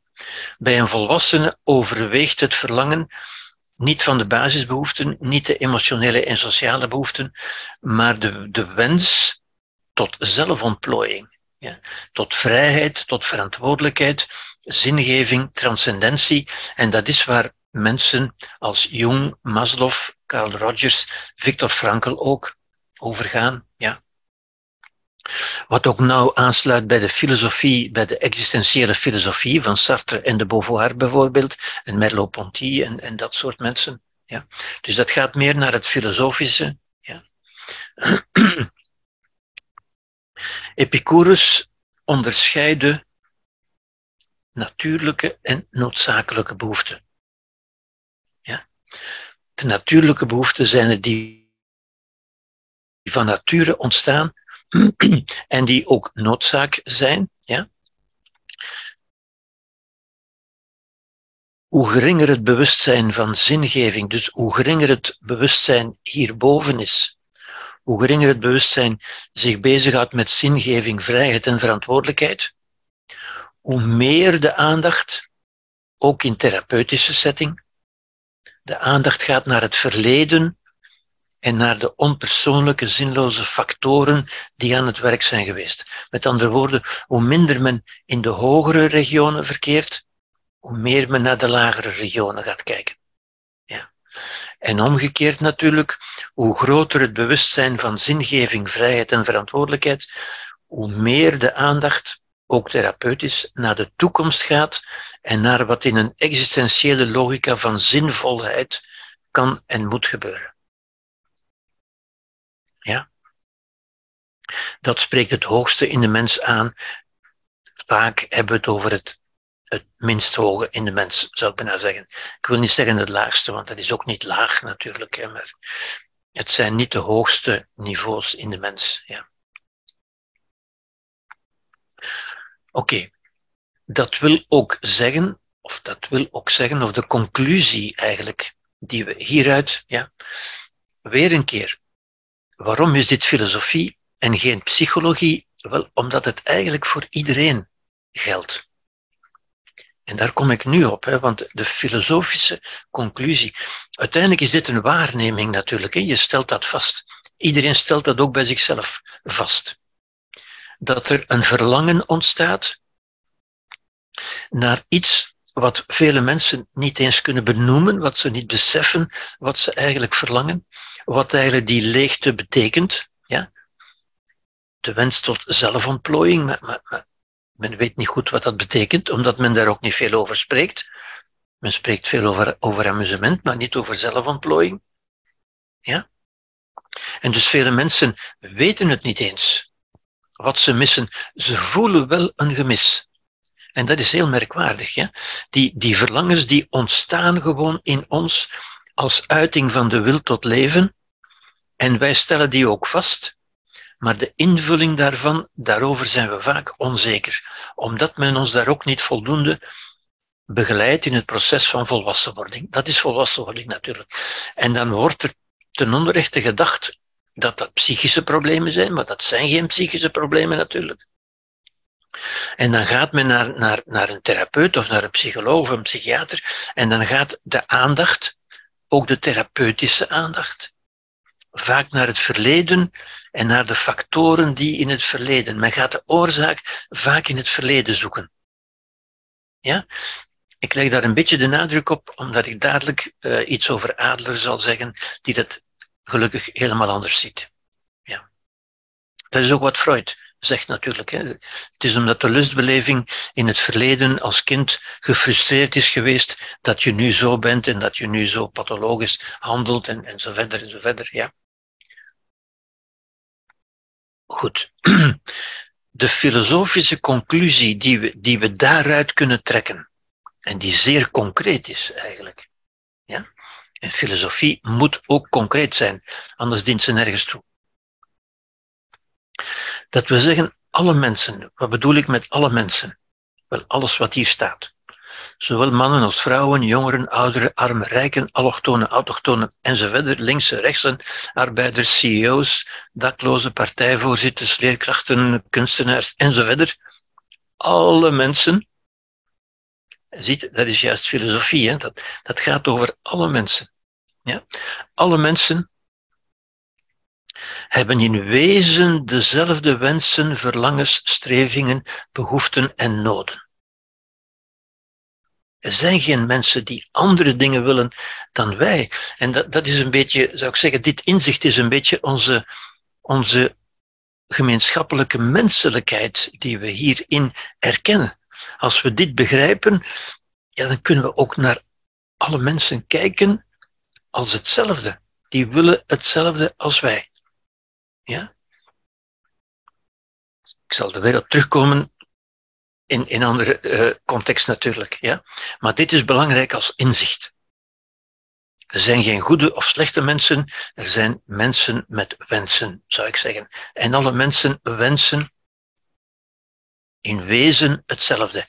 Niet even gedifferentieerd natuurlijk, ja, die ze alleen op hun eigen min of meer volwassen, verstandige, elegante, mededogende, serene, welwillende wijze proberen in te vullen.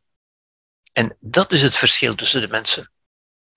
Niet in wat zij willen, maar wel in hoe ze proberen te krijgen wat zij willen. Hoe ze eraan, ja. Maar we kunnen ons in, eigenlijk in alle mensen erkennen. Alle mensen willen fundamenteel hetzelfde.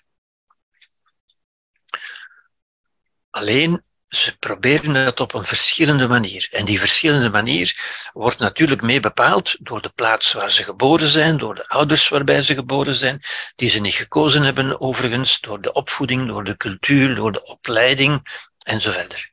Ja? Alle mensen zijn dus te begrijpen. Als we dit serieus nemen, dan moeten we zeggen, alle mensen zijn te begrijpen. Want alle mensen willen hetzelfde.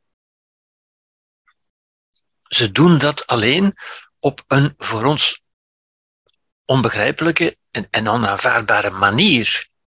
Maar niet omdat die mensen fundamenteel anders zouden zijn. Ze zijn in een andere culturele context geformateerd. Maar dat zijn de manieren van doen. Niet dat ze wezenlijk anders zijn. Ja? Wat Maslow hier zegt, en wat wij eruit kunnen concluderen, is alle mensen willen in wezen hetzelfde. Ja? Men, dat fameuze en-en-en systeem dat, dat door sommige mensen gebruikt wordt, en-en-en, dat vat een beetje samen. Hè. Zelfde noden, de noden hebben we net gezien, de noden van die, die Maslow beschreven heeft, maar andere narratieven. Narratieven is wat mensen zichzelf vertellen de cultuur, de culturele context, hoe ze dat zien, hoe ze dat verklaren, en andere netwerken. En de netwerken zijn natuurlijk de, de sociale contacten die ze hebben en waardoor ze beïnvloed worden. Dus ze worden natuurlijk beïnvloed, maar ze hebben in wezen dezelfde noden, maar andere narratieven en andere netwerken. Ook drugsverslaafden en ook, ook terroristen willen hetzelfde als wij. En dat maakt ze tot leden van de mensheid. Daarin herkennen we onze menselijkheid. Die willen niet iets totaal anders. Die willen hetzelfde. Alleen doen ze het op een andere manier. Een manier die voor ons natuurlijk totaal onaanvaardbaar kan zijn. Ja? En die we ook niet moeten aanvaarden, omdat we een andere moraliteit hebben en dat we daar ook op, in objectieve moraliteit kunnen overdenken, natuurlijk. Ja? Maar dat is een ander discours. Dat is ook een filosofisch discours natuurlijk. Ja. Goed. Victor Frankl, figuur die um, Maslow gekend heeft, overigens. Ja. Pas in 97 overleden. Holocaust-overleder, Oostenrijks psychiater, Holocaust-overlever, overigens. Ja. Beïnvloed door zowel Ader als Maslow. Men noemt hem wel de derde Weense school, na Freud en na Jung. Holocaust-overlever, ja. Dus heeft heel wat lessen gekregen in het leven, zou ik zeggen. Ja, heeft heel wat te, te, te, te harden gekregen, heeft heel wat voor de kiezen gekregen waar hij zich doorheen gebeten heeft. Ja auteur van Man's Search for Meaning, en dan ziet u onmiddellijk de aansluiting, ja, want deze heeft zich dus bezig gehouden met, met de hoogste, het hoogste vakje in de piramide van Maslow. U kunt, u kunt een beetje zien in die piramide, ik heb die ook een beetje getoond daarnet, we kunnen eigenlijk de, de psychologische bekommernis waar psychologen mee bezig zijn, waar ze hun aandacht op richten, ook in, in de piramide van Maslow zien. Sommigen zijn met de onderste regionen bezig, anderen met de bovenste regionen. Viktor Frankl was bezig met de bovenste regionen. Man's search for meaning. Het, het zoeken van de mens naar betekenis. Betekenis. Betekenis die ook motivatie is natuurlijk. Hè. Je bent gemotiveerd door iets wat iets betekent. Ja? En iets wat iets betekent, motiveert je ook. Ja? Dat is het boek. Zeer bekend en het staat tegenwoordig opnieuw terug meer in de, in de belangstelling. Het is al van, ik geloof, 7 of 48 dat het uitgekomen is. Niet zo lang na zijn um, vrijkomen uit, uh, uit uh, nazikampen. Nog altijd zeer lezenswaard, overigens. Ja. Het is ook vertaald. Ik weet niet meer juist hoe het vertaald is. Ja, ik weet het niet meer juist. En hij zegt dus, hij stelt dus, wat ik ook al heb laten eh, doorschijnen natuurlijk, hij zegt, zingeving en zinbeleving zijn de belangrijkste behoeften van de mens. Ja. En we zien ook dat mensen kunnen eigenlijk alles opgeven, al die lagere behoeften, al die sociale en die, en die, en die ego-behoeften enzovoort, kunnen ze opgeven als mensen zich gegrepen worden, gepakt worden voor een ideaal, zou kunnen zeggen, ja, voor een zingeving en een zinbeleving. Ja. Mensen die daarvan, ik zou zeggen, geproefd hebben, wel, die willen dat niet meer, die geven dat niet meer op. Die laten al de rest, nog liever al de rest vallen, nog liever geen huis en geen, en geen partner en zo verder, maar dat is wat ik wil doen. Ja. Ik verwijs naar iemand als, als Jean de Vos bijvoorbeeld, ja, die, die toch en wij kijken daar dan naar en zeggen, die hebben toch veel opgegeven. Maar die hebben ook veel verwezenlijkt natuurlijk in hun leven. Hè. Dat is helemaal Victor Frankl natuurlijk. Hè. En hij heeft, dan, heeft daar zijn therapeutisch systeem van gemaakt, zijn therapeutisch instrument, dat hij de logotherapie heeft genoemd. Logos verwijst natuurlijk naar wat de antieke filosofen de logos noemden, de redelijkheid, en dus de schoonheid ook, want schoonheid is de redelijkheid, zien in, in het leven uiteindelijk. Ja? Ook en vooral natuurlijk als het leven moeilijk is. En hij kon het zeggen, hij heeft de holocaustkampen overleefd. Ja? De logotherapie, die een soort existentiële analyse is, geen psychoanalyse, maar een existentiële analyse, een analyse van het leven, eigenlijk een filosofie dus, ja, een onderzoek van het leven, ja. Niet van het brein, maar van het leven. En hij zegt precies hetzelfde, wat ik ook al heb gezegd natuurlijk, zonder zingeving is het bestaan leeg. En een leeg bestaan is een ongelukkig bestaan. Ja. En een ongelukkig bestaan waarvan mensen heel vaak niet kunnen zeggen wat nu, waarvan mensen en andere mensen en zichzelf zeggen dat ze er geen reden toe hebben.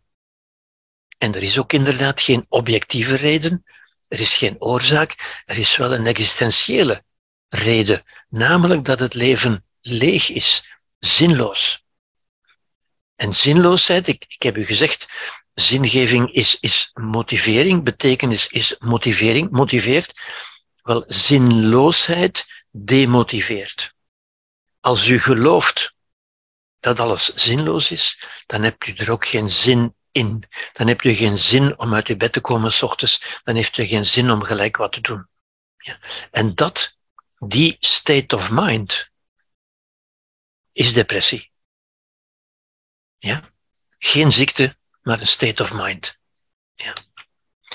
Andere mensen in die traditie zijn Carl Rogers natuurlijk van de humanistische filosofie, de client-centered therapie, Rollo creatieve therapie, Irvin Yalom, ook die dat, die dat in verschillende boeken en ook in zijn romans zo mooi verwerkt heeft. Irvin Yalom, die psychiater is, maar die verschillende romans geschreven heeft ook over filosofische onderwerpen, natuurlijk, want daar gaat het eigenlijk over. Ja.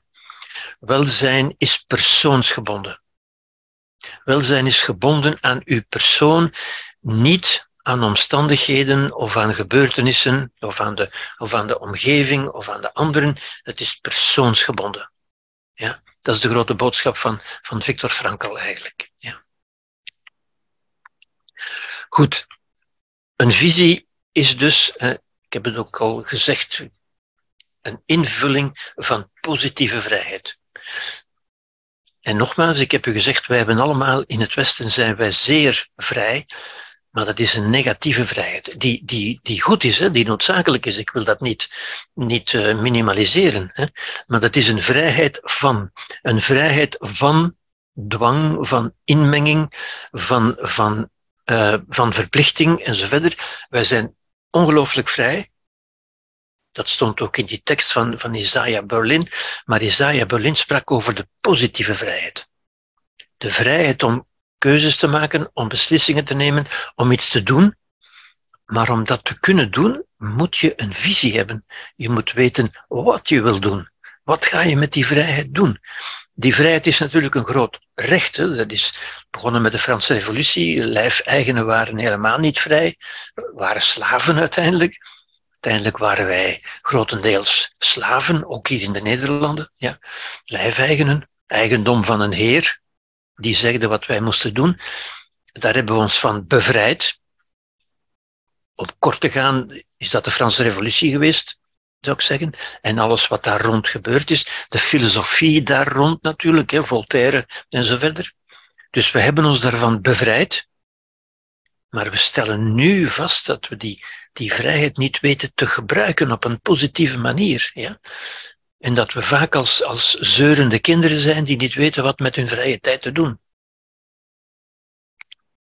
Einstein zei, als je gelukkig wil zijn, richt dan je leven op een waarde niet op personen of objecten. Niet op dingen om te doen of om te hebben, maar richt het op een waarde, een manier van zijn, een existentiële waarde. Ziet u? Ja. Nietzsche zei, wie weet waarvoor hij leeft, zie je, dat is weer weten waarvoor je doet. Dat is die transcendentie, dat, dat, dat doel. Ik weet waarvoor ik leef. Wie weet waarvoor hij leeft, kan alles aan. Ja? Het feit dat we zo teergevoelig zijn geworden, voortdurend getraumatiseerd en gekwetst en zo verder, is toch voor een stuk omdat we niet weten waar we voor leven. Sartre zei, Sartre is de existentialist bij uitstek natuurlijk, de filosofische existentialist. Vrijheid is wat wij doen met wat ons wordt aangedaan. En dat is ook wat Frankel zegt natuurlijk, hè? uiteraard. Men kan ons van alles aandoen, dat, dat gebeurt. Maar onze vrijheid is niet wat anderen ons aandoen, maar wat wij doen met wat ons wordt aangedaan. Ja? Eén stap verder, één filosofische stap verder, maar zo belangrijk natuurlijk.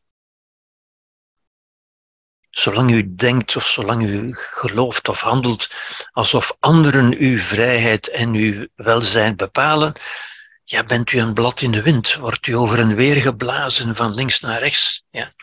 En dat is wat mensen ook vaak zeggen. Hè. Ja, er zijn goede dagen en slechte dagen. En, maar iemand die, die weet waarvoor hij leeft, die kan alles aan. Ja? Pieter Singer zei, geloof in een zaak die groter is dan onszelf. Zie je, dat is transcendentie. Ja? Je inschrijven, je inzetten voor iets dat groter is dan jezelf. Dat toont ook aan, overigens, ja, ik wil daar toch even op wijzen, ja, dat ook religie die rol kan vervullen. Ja. Ook daar geloven mensen in een zaak die groter is dan zijzelf. Ja. En het geloof in een religie maakt het mogelijk dat men zegt, ik, ik begrijp wel niet waarom het gebeurt, ik, ik begrijp het niet, maar het heeft een zin want het is de wil van God. Ziet u, als men dat kan zeggen, als men dat echt gelooft, ja, dan heeft men ook altijd een zin. Dan moet men geen zingeving meer zoeken. De zingeving is daar. Ja? Ik denk, wie dat echt gelooft, die heeft daarmee een, een, een heel belangrijk instrument in handen, zou ik zeggen. Ja? En ik denk altijd aan, aan Luc Ferry, de grote Franse filosoof Luc Ferry, die zei, het christendom is is niet te verslaan, is onovertroffen in zijn gelukbrengend vermogen, in zijn heilsvermogen, met andere woorden. Ja. Er is maar één nadeel, één bezwaar, zei hij, van je moet het kunnen geloven. Ja? Maar ik denk dat we mensen die echt geloven, dat zijn er niet meer zoveel natuurlijk, die zeggen dat ze daar inderdaad kracht uit putten. Nu, die kracht kan alleen maar die motivatie zijn, die, die betekenis.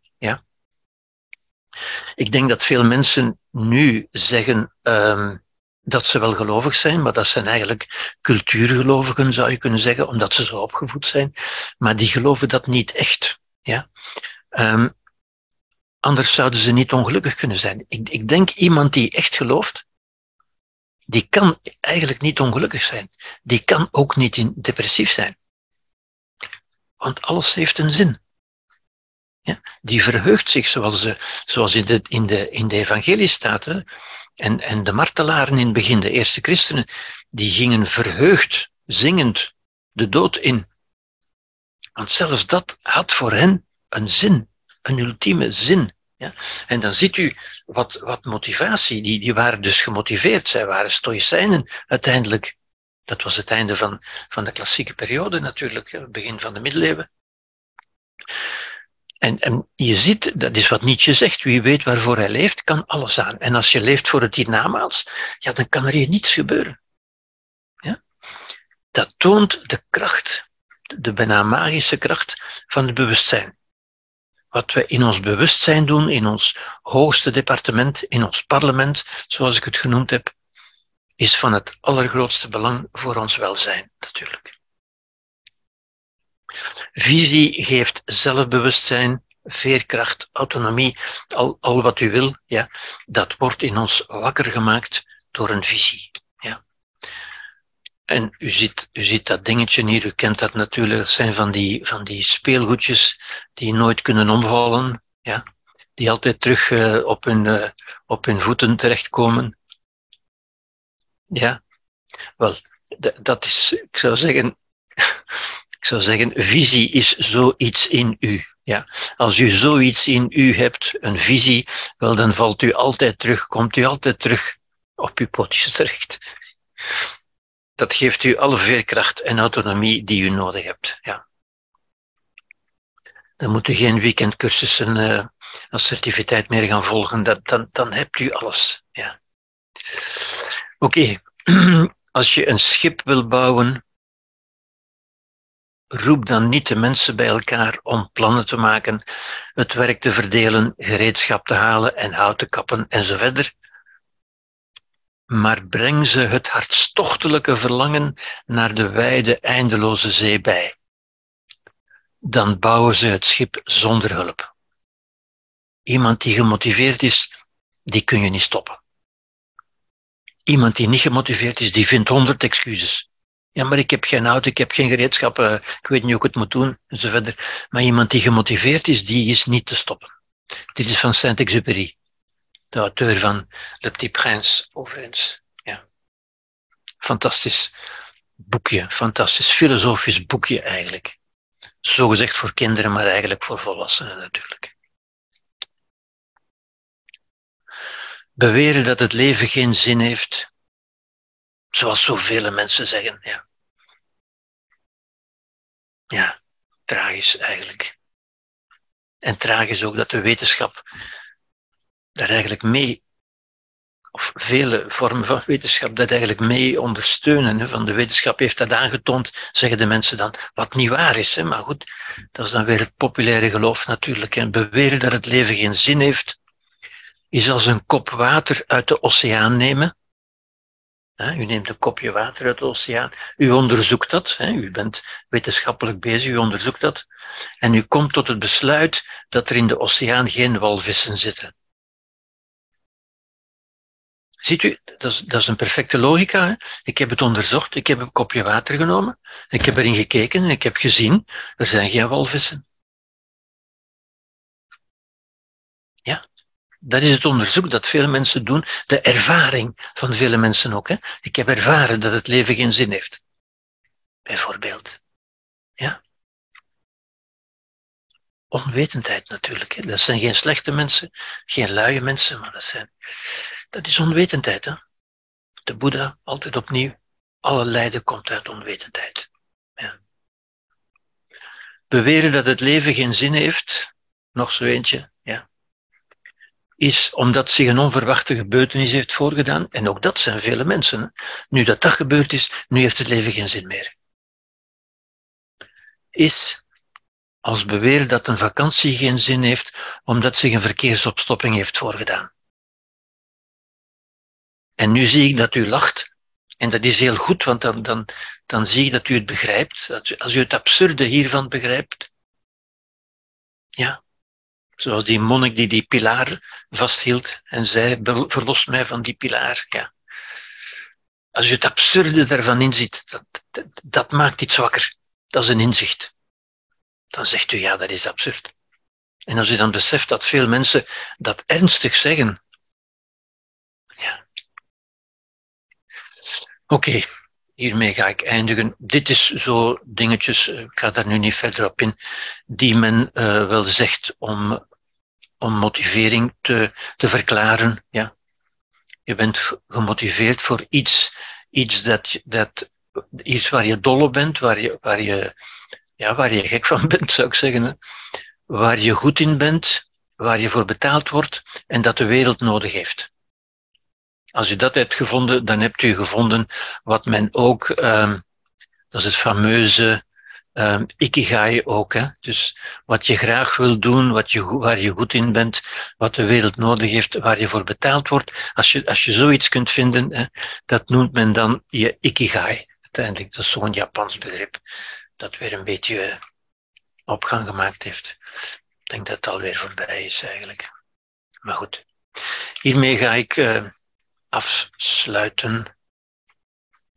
Ja. Het is nu 35. Um, ehm, we hebben nog even de tijd om in te gaan op uw vragen.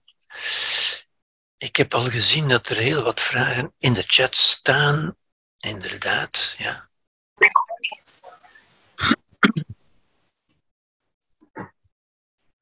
Ik zal er snel eventjes doorgaan. Anne en José vragen of maatschappelijke rol of ook als vrijwilliger kan. Ja, natuurlijk. Natuurlijk. Natuurlijk speelt u ook dan een rol en draagt u bij, natuurlijk. Ja. Kun je maatschappelijk, dat is Jeroen, maatschappelijk niets zijn? Nee, dat heb ik ook gezegd, denk ik. Hè. Niets zijn kan niet. Je kunt dat, mensen zeggen dat wel, hè, en je kunt dat wel denken. Maar ook dat is onwetendheid, omdat je niet hebt nagedacht. Want zodra je hier leeft, gebruik je dingen die door andere mensen gemaakt zijn. En heb je dus een verhouding tot die mensen natuurlijk. Dat, dat kan niet. Afwezigheid van visie aan een José wil dit ook zeggen dat je eigenlijk niet weet wat je belangrijk vindt in je leven, welke richting je wil leven aan je leven, kort en goed? Ja, dat wil dat zeggen. ik denk dat ik het ook al gezegd heb. Um, Edith Catrie, senioren in een rusthuis zitten soms in een existentieel vacuüm. Zeer zeker, zeer zeker. Wat men depressie of wanhoop kan noemen, absoluut. Ik heb het ook gezegd, denk ik. Wegens gebrek aan zin in het leven, absoluut, absoluut. Inderdaad, omdat we ze ook geen betekenisvolle rol meer geven. Ze zijn verplicht op pensioen, ze moeten, ze moeten in, in, in een bejaardentehuis met elkaar zitten, zitten kaart spelen of domino spelen of scrabble, maakt niet uit, maar we geven ze geen zinvolle rol meer. We gaan ze niet meer om hun advies vragen. We erkennen niet dat zij wijsheid zouden kunnen bezitten. En dus weten, niemand stelt hen een vraag, dus weten zij ook niet waarvoor ze er moeten zijn. Ja, inderdaad een groot probleem. Ja. Anne José als moeder, als eremoeder, inderdaad, zeer goed. Kan ik toch ook een soort rol opnemen als wijze vrouw? Inderdaad, inderdaad. Dat kan elke oudere vrouw natuurlijk in principe, maar ook als moeder natuurlijk. Die als voorbeeld voor de kinderen en voor de anderen kan leven. Zeer zeker, absoluut, absoluut. Ja, Bert, e- Edith wil daar iets aan toevoegen. Ja, Edith. Dan moet u wel uw microfoontje aanzetten, anders horen we u niet. Um, er is daar iets over geslagen geweest, een, een, tweede stuk in die vraag. Moeder. Dus ik bedoel, als vrouw, zelfs ja. zonder kinderen, voelde u toch moeder? Ja, ja, maar Allee, bedoelde... Dat is een, zou ik zeggen, dat is, eh, dat is een instinct. Dat is het moederinstinct eigenlijk. Hè? Inderdaad. Dat is waar. maar waar men al dan niet kan op ingaan. Ja? Het instinct is wel aanwezig, maar men kan redenen hebben om daarop in te gaan of om daar niet op in te gaan natuurlijk. Ja, maar, maar dat staat los van de rol die men speelt. Ja, men wordt uitgenodigd om die rol te spelen, maar men kan die al dan niet spelen. Ja? ja. Dat is de menselijke vrijheid natuurlijk. Oké. Okay. Ja. ja. En dan hier verder zeg je, Edith, rol, inderdaad, we kunnen ons niet identificeren met onze rol, maar hoe verhoudt men zich in de maatschappij? Wel, men verhoudt zich zoals men dat wil, hè, zoals men dat zinvol vindt, naar gelang men dat belangrijk vindt. Dat is een keuze om zich in de maatschappij actief of niet actief te, te impliceren, om daar een rol in te spelen, een actieve rol of een passieve rol. Dat is een keuze natuurlijk. Hè. En Anne en José, ja inderdaad, zouden we ons best regelmatig afvragen, wat wil ik van mezelf over, wat wil ik aan mezelf over mezelf zeggen als ik op mijn sterrenbed lig? Zeer zeker. Is deze vraag een uitnodiging om visie te vormen? Absoluut. Ik kan het alleen maar bevestigen. Ja. Daar zouden we, en eigenlijk is heel deze lezing een uitnodiging om daarover na te denken, omdat ik dat in, in het kader van zie, dat is ook weer de grotere functie. Waarom, heeft deze, waarom is deze lezing belangrijk, zou ik zeggen? Omdat die een rol speelt in de strategie van het geluk, dat is, dat is het grotere kader. En omdat ik dus denk en, en hoop u duidelijk te maken dat dat soort nadenken belangrijk is om tot een gelukkig leven te kunnen komen. Dat is een van de belangrijke ingrediënten, denk ik, om tot een gelukkig leven te kunnen komen. ik heb zo in mijn, in mijn hoofd dat vele mensen zeggen, en er wordt ook vaak gezegd, hè, ook, uh, ja, dat men, dat is een van de vele excuses van mensen natuurlijk, hè, van kijk, ik heb geen toekomst meer, want kijk eens naar mijn verleden. Ja, dat is, als je je niet bezighoudt met de toekomst, dan zul je geen toekomst hebben natuurlijk. Omdat je je bezighoudt, omdat je denkt dat het belangrijk is van je bezig te houden met het verleden. En dat is een van de belangrijke dingen ook van, van traumatische gebeurtenissen en zo. Hè. Ik zeg vaak, het feit, de feiten die gebeurd zijn, zijn eigenlijk erg genoeg. Ik wil dat niet, niet minimaliseren of zo, hè. Maar, het, maar het is nog veel erger wat er daardoor niet gebeurd is.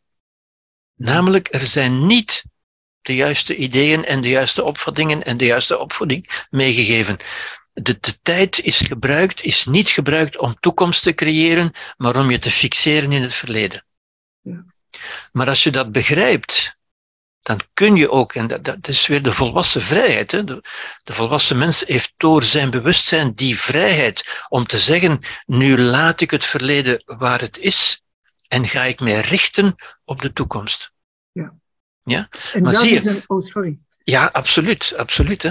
Iedereen heeft toekomst. Iedereen heeft een toekomst. De toekomst is er voor iedereen. Ja? Men kan die toekomst niet afnemen.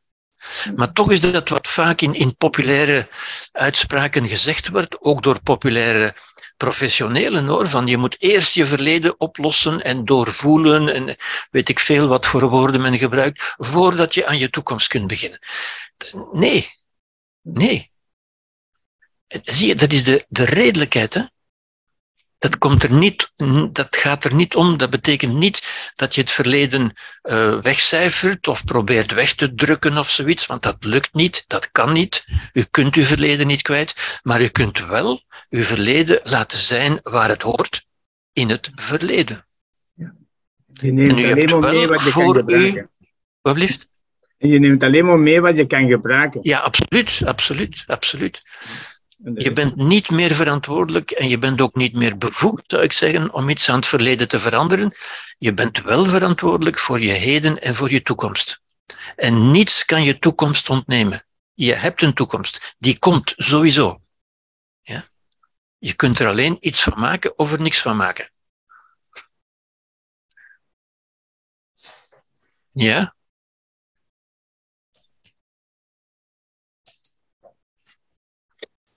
Edith, ja? De microfoon, ja. Ja, um, ik denk nu even aan uh, Carl Gustav Jung, die uh, de focus legde op uh, de, de uitleg over dromen. Ja. Dus als men droomt, is dat geassocieerd aan zaken uit het verleden. Ja. Dus herinnert u de droomsmorgens? Is dat dan nog van belang van die droom te bekijken, wat dat hij als boodschap kan geven. Want eigenlijk, Jong was toch ook een, psychoanalyticus. Ja. Dus eigenlijk is het niet meer van belang, aangezien dat het verleden, het is wat het was. En Ja. Ja, ik denk het wel. Ik denk het wel, inderdaad. Natuurlijk, ik kan begrijpen dat je daar even over nadenkt. Hè. Dat je- mensen hebben natuurlijk zin om de lijn in hun leven te zien, om de coherentie, de continuïteit in het leven te zien. Je- je- dat is interessant. Ja? En dat is ook niet, eh, dat is ook niet verboden. Eh, Freud noemde dat de, de archeologie van de, van de geest uiteindelijk. Hè? Natuurlijk is er in het verleden veel gebeurd en ben je geformateerd in het verleden. En dat je daarover denkt, dat is natuurlijk oké, dat is interessant. Maar dat bepaalt niet je toekomst. Het moet altijd zijn met de gedachte van, ik wil dat wel weten, maar dat bepaalt niet wie ik nu en voortaan kan zijn. Dat bepaalt niet mijn toekomst. En je hebt het ook niet nodig om alles in het verleden te begrijpen en, en alle antwoorden te hebben en zo verder, voordat je verder kunt, zoals, zoals mensen zeggen. Dat is niet zo. Ik begrijp dat mensen dat, dat, daar belangstelling voor hebben, hè? Dat, dat, dat willen weten. Dat is, dat, is, daar is ook niks verkeerd aan. Hè? Maar als, als men er zich zodanig mee gaat bezighouden dat men gelooft dat je, dat je daar eerst alles moet van begrepen hebben en geweten hebben voordat je verder kunt, dat, dat, wordt pathologisch, zou ik zeggen. Ja. Wat dat mij wel opvalt is ehm, eh, mensen die een zeer groot inzicht hebben, en allee, als ik dat mag zeggen zoals u, zijn toch, eh, hebben al een zeer groot bagage mee. Eh, zij het door studies, zij het door belevenissen. of Mhm. Terwijl iemand ehm, die dus bijvoorbeeld niet de kans krijgt ehm, om een middelbaar volledig af te werken. Ja, of dat is waar. Zeker. dus zeker. ik bedoel, het startpunt ligt op een heel andere pijl. Ja, Dat is juist. Dat is Ja. juist. Dat, dat, dat stel ik ook vast Ja. tijdens de lezing en zo. Ja. Daarom zeg ik wel, je wordt door het verleden, je bent in het verleden wel geformateerd, Hm? maar dat bepaalt niet je toekomst. Ja, dat klopt. Je, je, je behoudt je vrijheid. Ja. Maar die vrijheid is ook iets wat je moet beseffen natuurlijk. Hè? En dat gaat ook gepaard met verantwoordelijkheid. Ja? Hm. En mensen vinden het natuurlijk gemakkelijker en, en worden daarbij bijgestaan door, door professionelen vaak. Van je bent niet verantwoordelijk, het is de schuld van je verleden. Ja, oké. Nu, ja. dat, dat kun je doen, maar dan ontneem je jezelf levenskansen. Hè? Nu, we zijn dankbaar dat we zoveel ehm, materie krijgen vanuit verschillende invalshoeken, filosofisch, Ja, dat ons in een Ja. gecomprimeerde vorm krijgen, maar inderdaad. met zeer veel diepgang Ja. en zeer hoogeinig in zingeving. Absoluut. Eh, Absoluut. ja, dat is een, een, een cadeau. eh alleen Ja. dat we kunnen. Inderdaad. En dat bedoel ik. Dus eh, door uw kennis, door uw weten, kunnen wij daar eigenlijk mee verder. Natuurlijk, natuurlijk. Want daardoor vermindert de onwetendheid, Inderdaad. die Ja. de basis is van alle lijden. Alle lijden komt uit onwetendheid. Maar Dat is een- Dat is een beetje een formule met hetzelfde statuut voor mij als de formule van Einstein, E is mc kwadraat. De formule van de Boeddha, alle lijden komt uit onwetendheid, heeft voor mij eenzelfde soort intellectuele status. ja. Dat is, dat is de, de meest compacte formulering, denk ik, van, ja, van het menselijk leven in feite. Hè.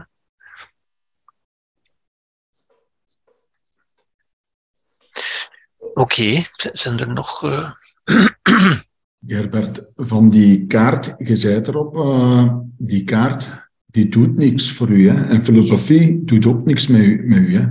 Maar vandaag heb je weinig de nadruk gelegd, vind ik. Niets doet iets voor u. Hè? Eh, Ja, ja, doet iets voor ja, u. ja. En, en dat was voor mij wel een inbrenger van dat goed te beseffen dat we het zelf moeten doen. Ja, en, ja, ja. En wat Absoluut, ook- absoluut.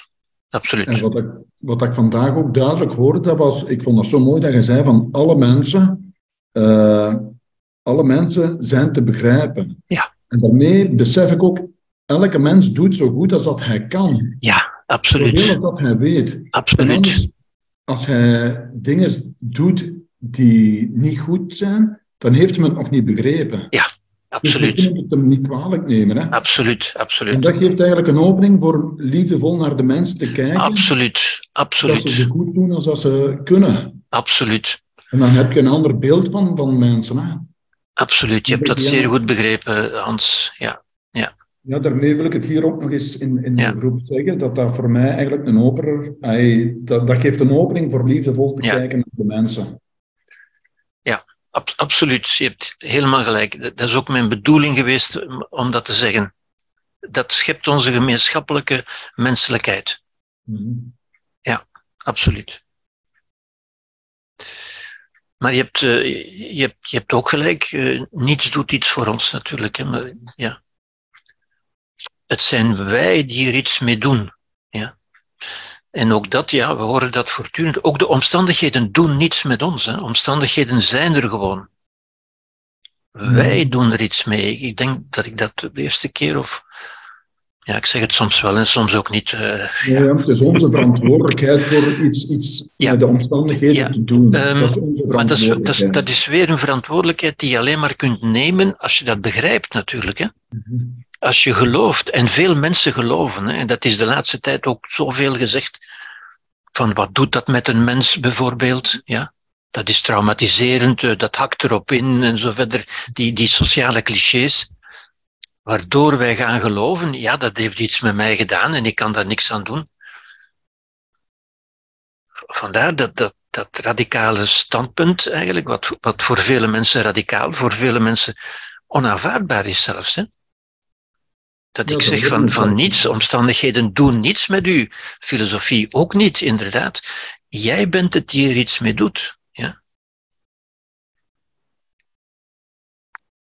Mhm. De mens doet er iets mee. Omstandigheden doen zich voor.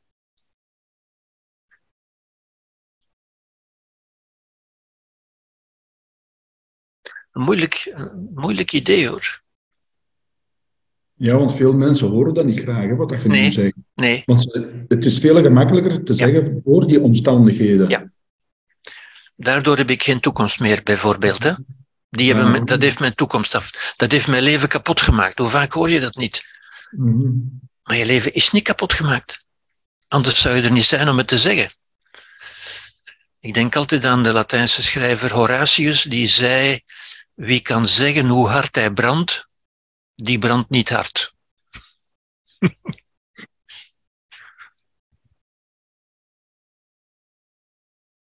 En dan vond ik het ook mooi dat je vandaag ook zei, eh je leven is niet kapot gemaakt en je hebt nog altijd een toekomst. En in die toekomst zie ik dan de ruimte die we hebben en de vrijheid van te doen wat wij willen doen. Absoluut. Nu, dat is weer een beetje te nuanceren natuurlijk. Hè. Dat is weer zo'n algemene uitspraak die, die in haar algemeenheid waar is. Maar dan moet je toch zeggen, ja, die vrijheid kun je maar nemen als je ze beseft, als je er bewust van bent. Eigenlijk wat ik zeg geldt voor een, voor een ideaal bewust iemand, zou je kunnen zeggen. Ja? En niemand is ideaal bewust. Hoe minder bewust je bent, hoe minder je dat kunt doen. Niet omdat het onmogelijk zou zijn, maar omdat jij er niet toe in staat bent door, door je eigen geloof, door je aannames, zoals uh, Anne zegt. Hè? Ja. Door wat ons gezegd is, door onze formatering. Ja. Maar dat is dan waar psychologie over gaat. Filosofie gaat over de kaart. Dit is de kaart. In principe kan iedereen die reis maken. Ja? Mm-hmm. Tuurlijk, je kunt zeggen, die en ik kan dat niet, want, en, en dan beginnen de, de nuanceringen, maar ook vaak de excuses natuurlijk. Ja. En als je zo begint gaan te denken, dan verhinderen wij onszelf Ja. door niet te groeien, door te geloven Ja. wat ze vroeger tegen ons gezegd hebben. Ja, dat, dat is waar, maar dat kun je maar weer zeggen als je het begrepen hebt. Eens je het begrepen hebt, dan snap je dat je het jezelf onmogelijk hebt gemaakt. Maar zolang je het niet begrepen hebt, denk je dat, dat het de omstandigheden zijn die het je onmogelijk maken. Je verleden en de anderen en zo verder. Ja? Omdat je die vrijheid niet ziet. Je gelooft dat je geen vrijheid meer hebt.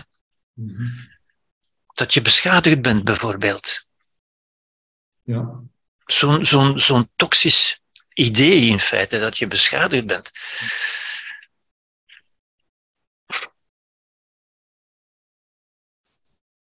Zijn er nog ideeën of uh, aanvullingen, opmerkingen? Edith. Edith wil nog iets doen. Edith, ja. Ja, ik twijfel of ik het zal vragen of niet, maar uh, ik denk dat het mag gerust zijn of toch, als ik het toch vraag. Uh, volledig akkoord met u en Hans, maar ik dacht plots aan uh, Poetin. Ja. We begrijpen alle mensen. Ja. Eindelijk begrijpen wij dat hij onwetend is. En eindelijk zullen Ja. we Poetin moeten aanvaarden zoals hij is. Maar Ja. Ja. punt, punt, punt zou ik zeggen.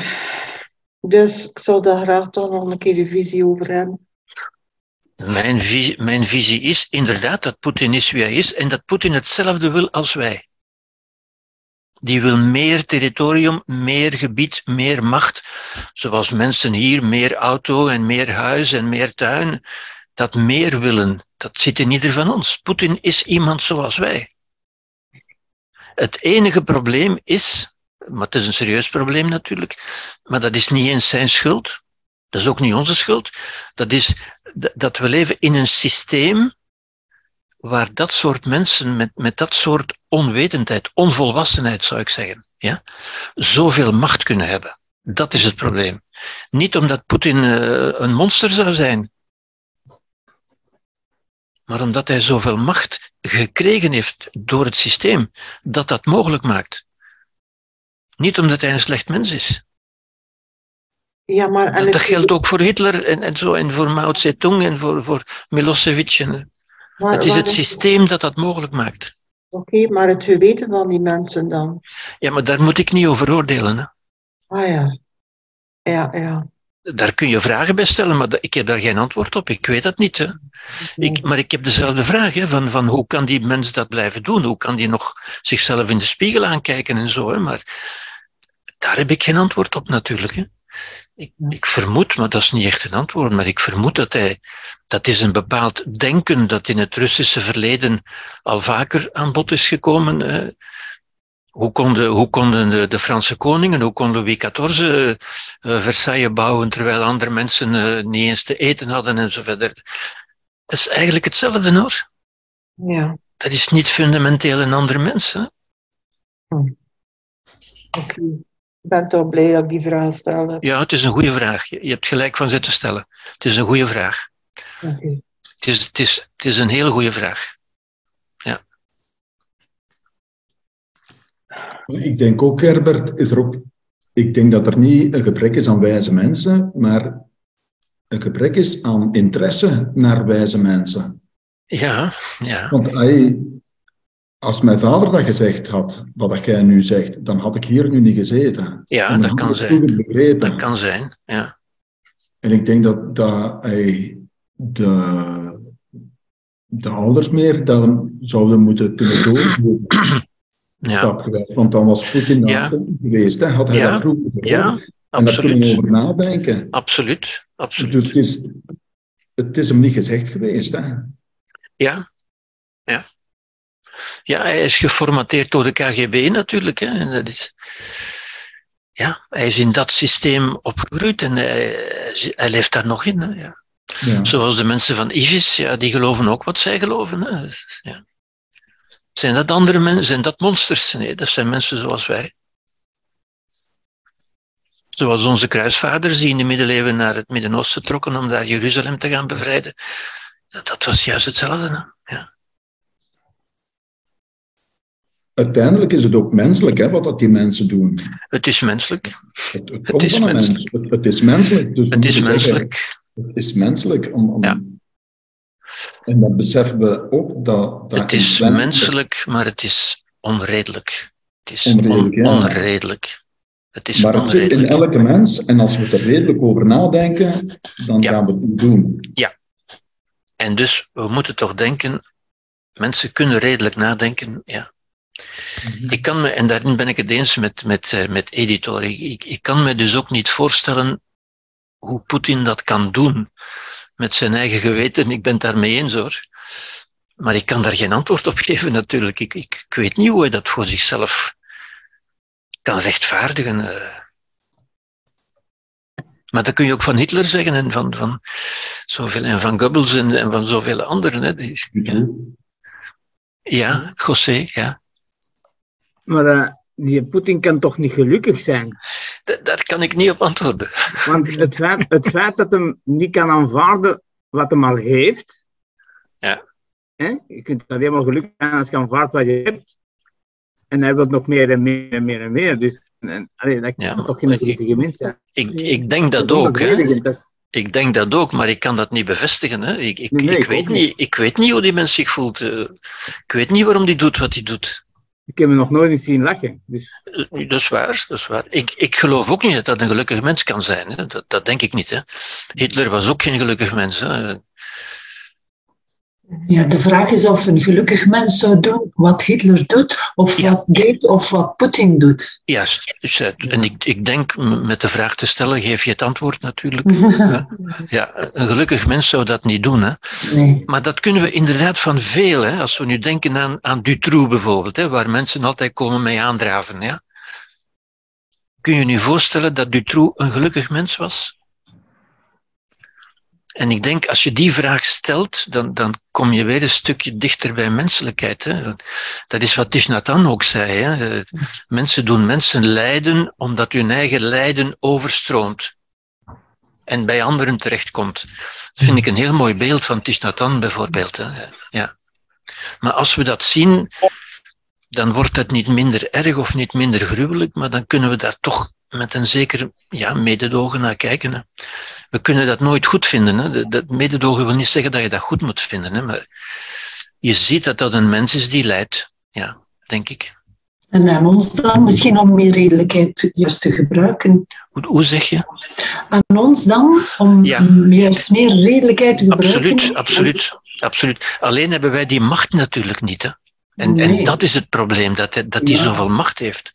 Maar als ik, ik heb het ook al zo vaak gezegd, als ik in, in echtscheidingen bijvoorbeeld zie wat mensen elkaar aandoen, hoe ze elkaar de duvel aandoen, zoals ze zeggen. Dat is toch even erg als Poetin. Alleen hebben die geen kruisraketten en geen tanks. Hè? Maar die proberen evenzeer elkaar het leven zo zuur mogelijk te maken. En ik denk dat we daar allemaal voorbeelden van kennen, hè? van zo'n mensen. Een bedenking. Ja, Eh, een goede mens zal nooit zoveel macht kunnen hebben. die zouden misschien niet willen. Ten eerste al, ja. Is- Maar is- is dat wat je bedoelt? Het spijtig, spijtig dat een goede mens die zoveel macht kan hebben, Ja. of niet wilt hebben. Want dan zou Ja. hij veel, veel goed kunnen doen, niet, niet in plaats van... Ja, Nee, ja, ja. ja. Was het niet Thich Nhat Hanh, Thich Nhat Hanh die de Nobelprijs eh, gerefuseerd heeft? Ja, De- ja Of- het zou, kunnen. Het zou kunnen. Hij kwam in aanmerking voor de Nobelprijs. Ja, ja. Maar uiteindelijk... eh, eh, Hij is genomineerd, inderdaad. Ja. Ja, ja, ja, ja. ja, ja, ja. Ja, ja. Oké. Niemand nog? Irmgard, niet? Ik zie dat je buitengewoon geboeid zit te kijken.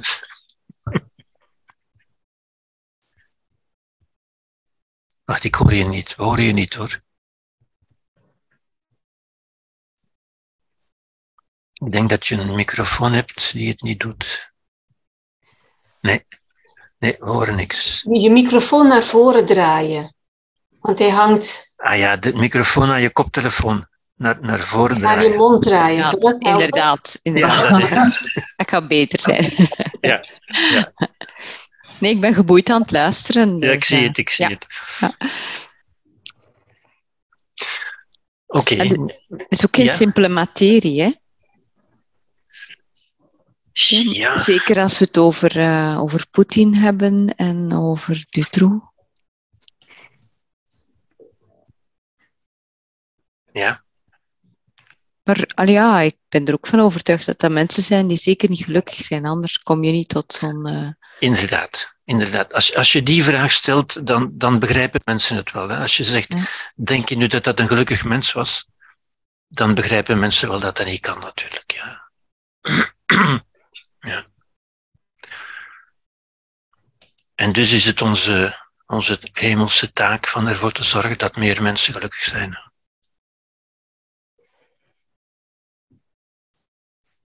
En uiteindelijk komt het ons ook ten goede.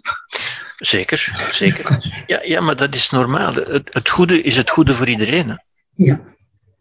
Als je het goede doet, dan is dat goed voor iedereen. Ja. Oké, niemand nog. eh, Dan kunnen we hierbij iedereen nog een fijne avond wensen. Ja. En u afspraak geven volgende week. Zelfde plaats, zelfde uur.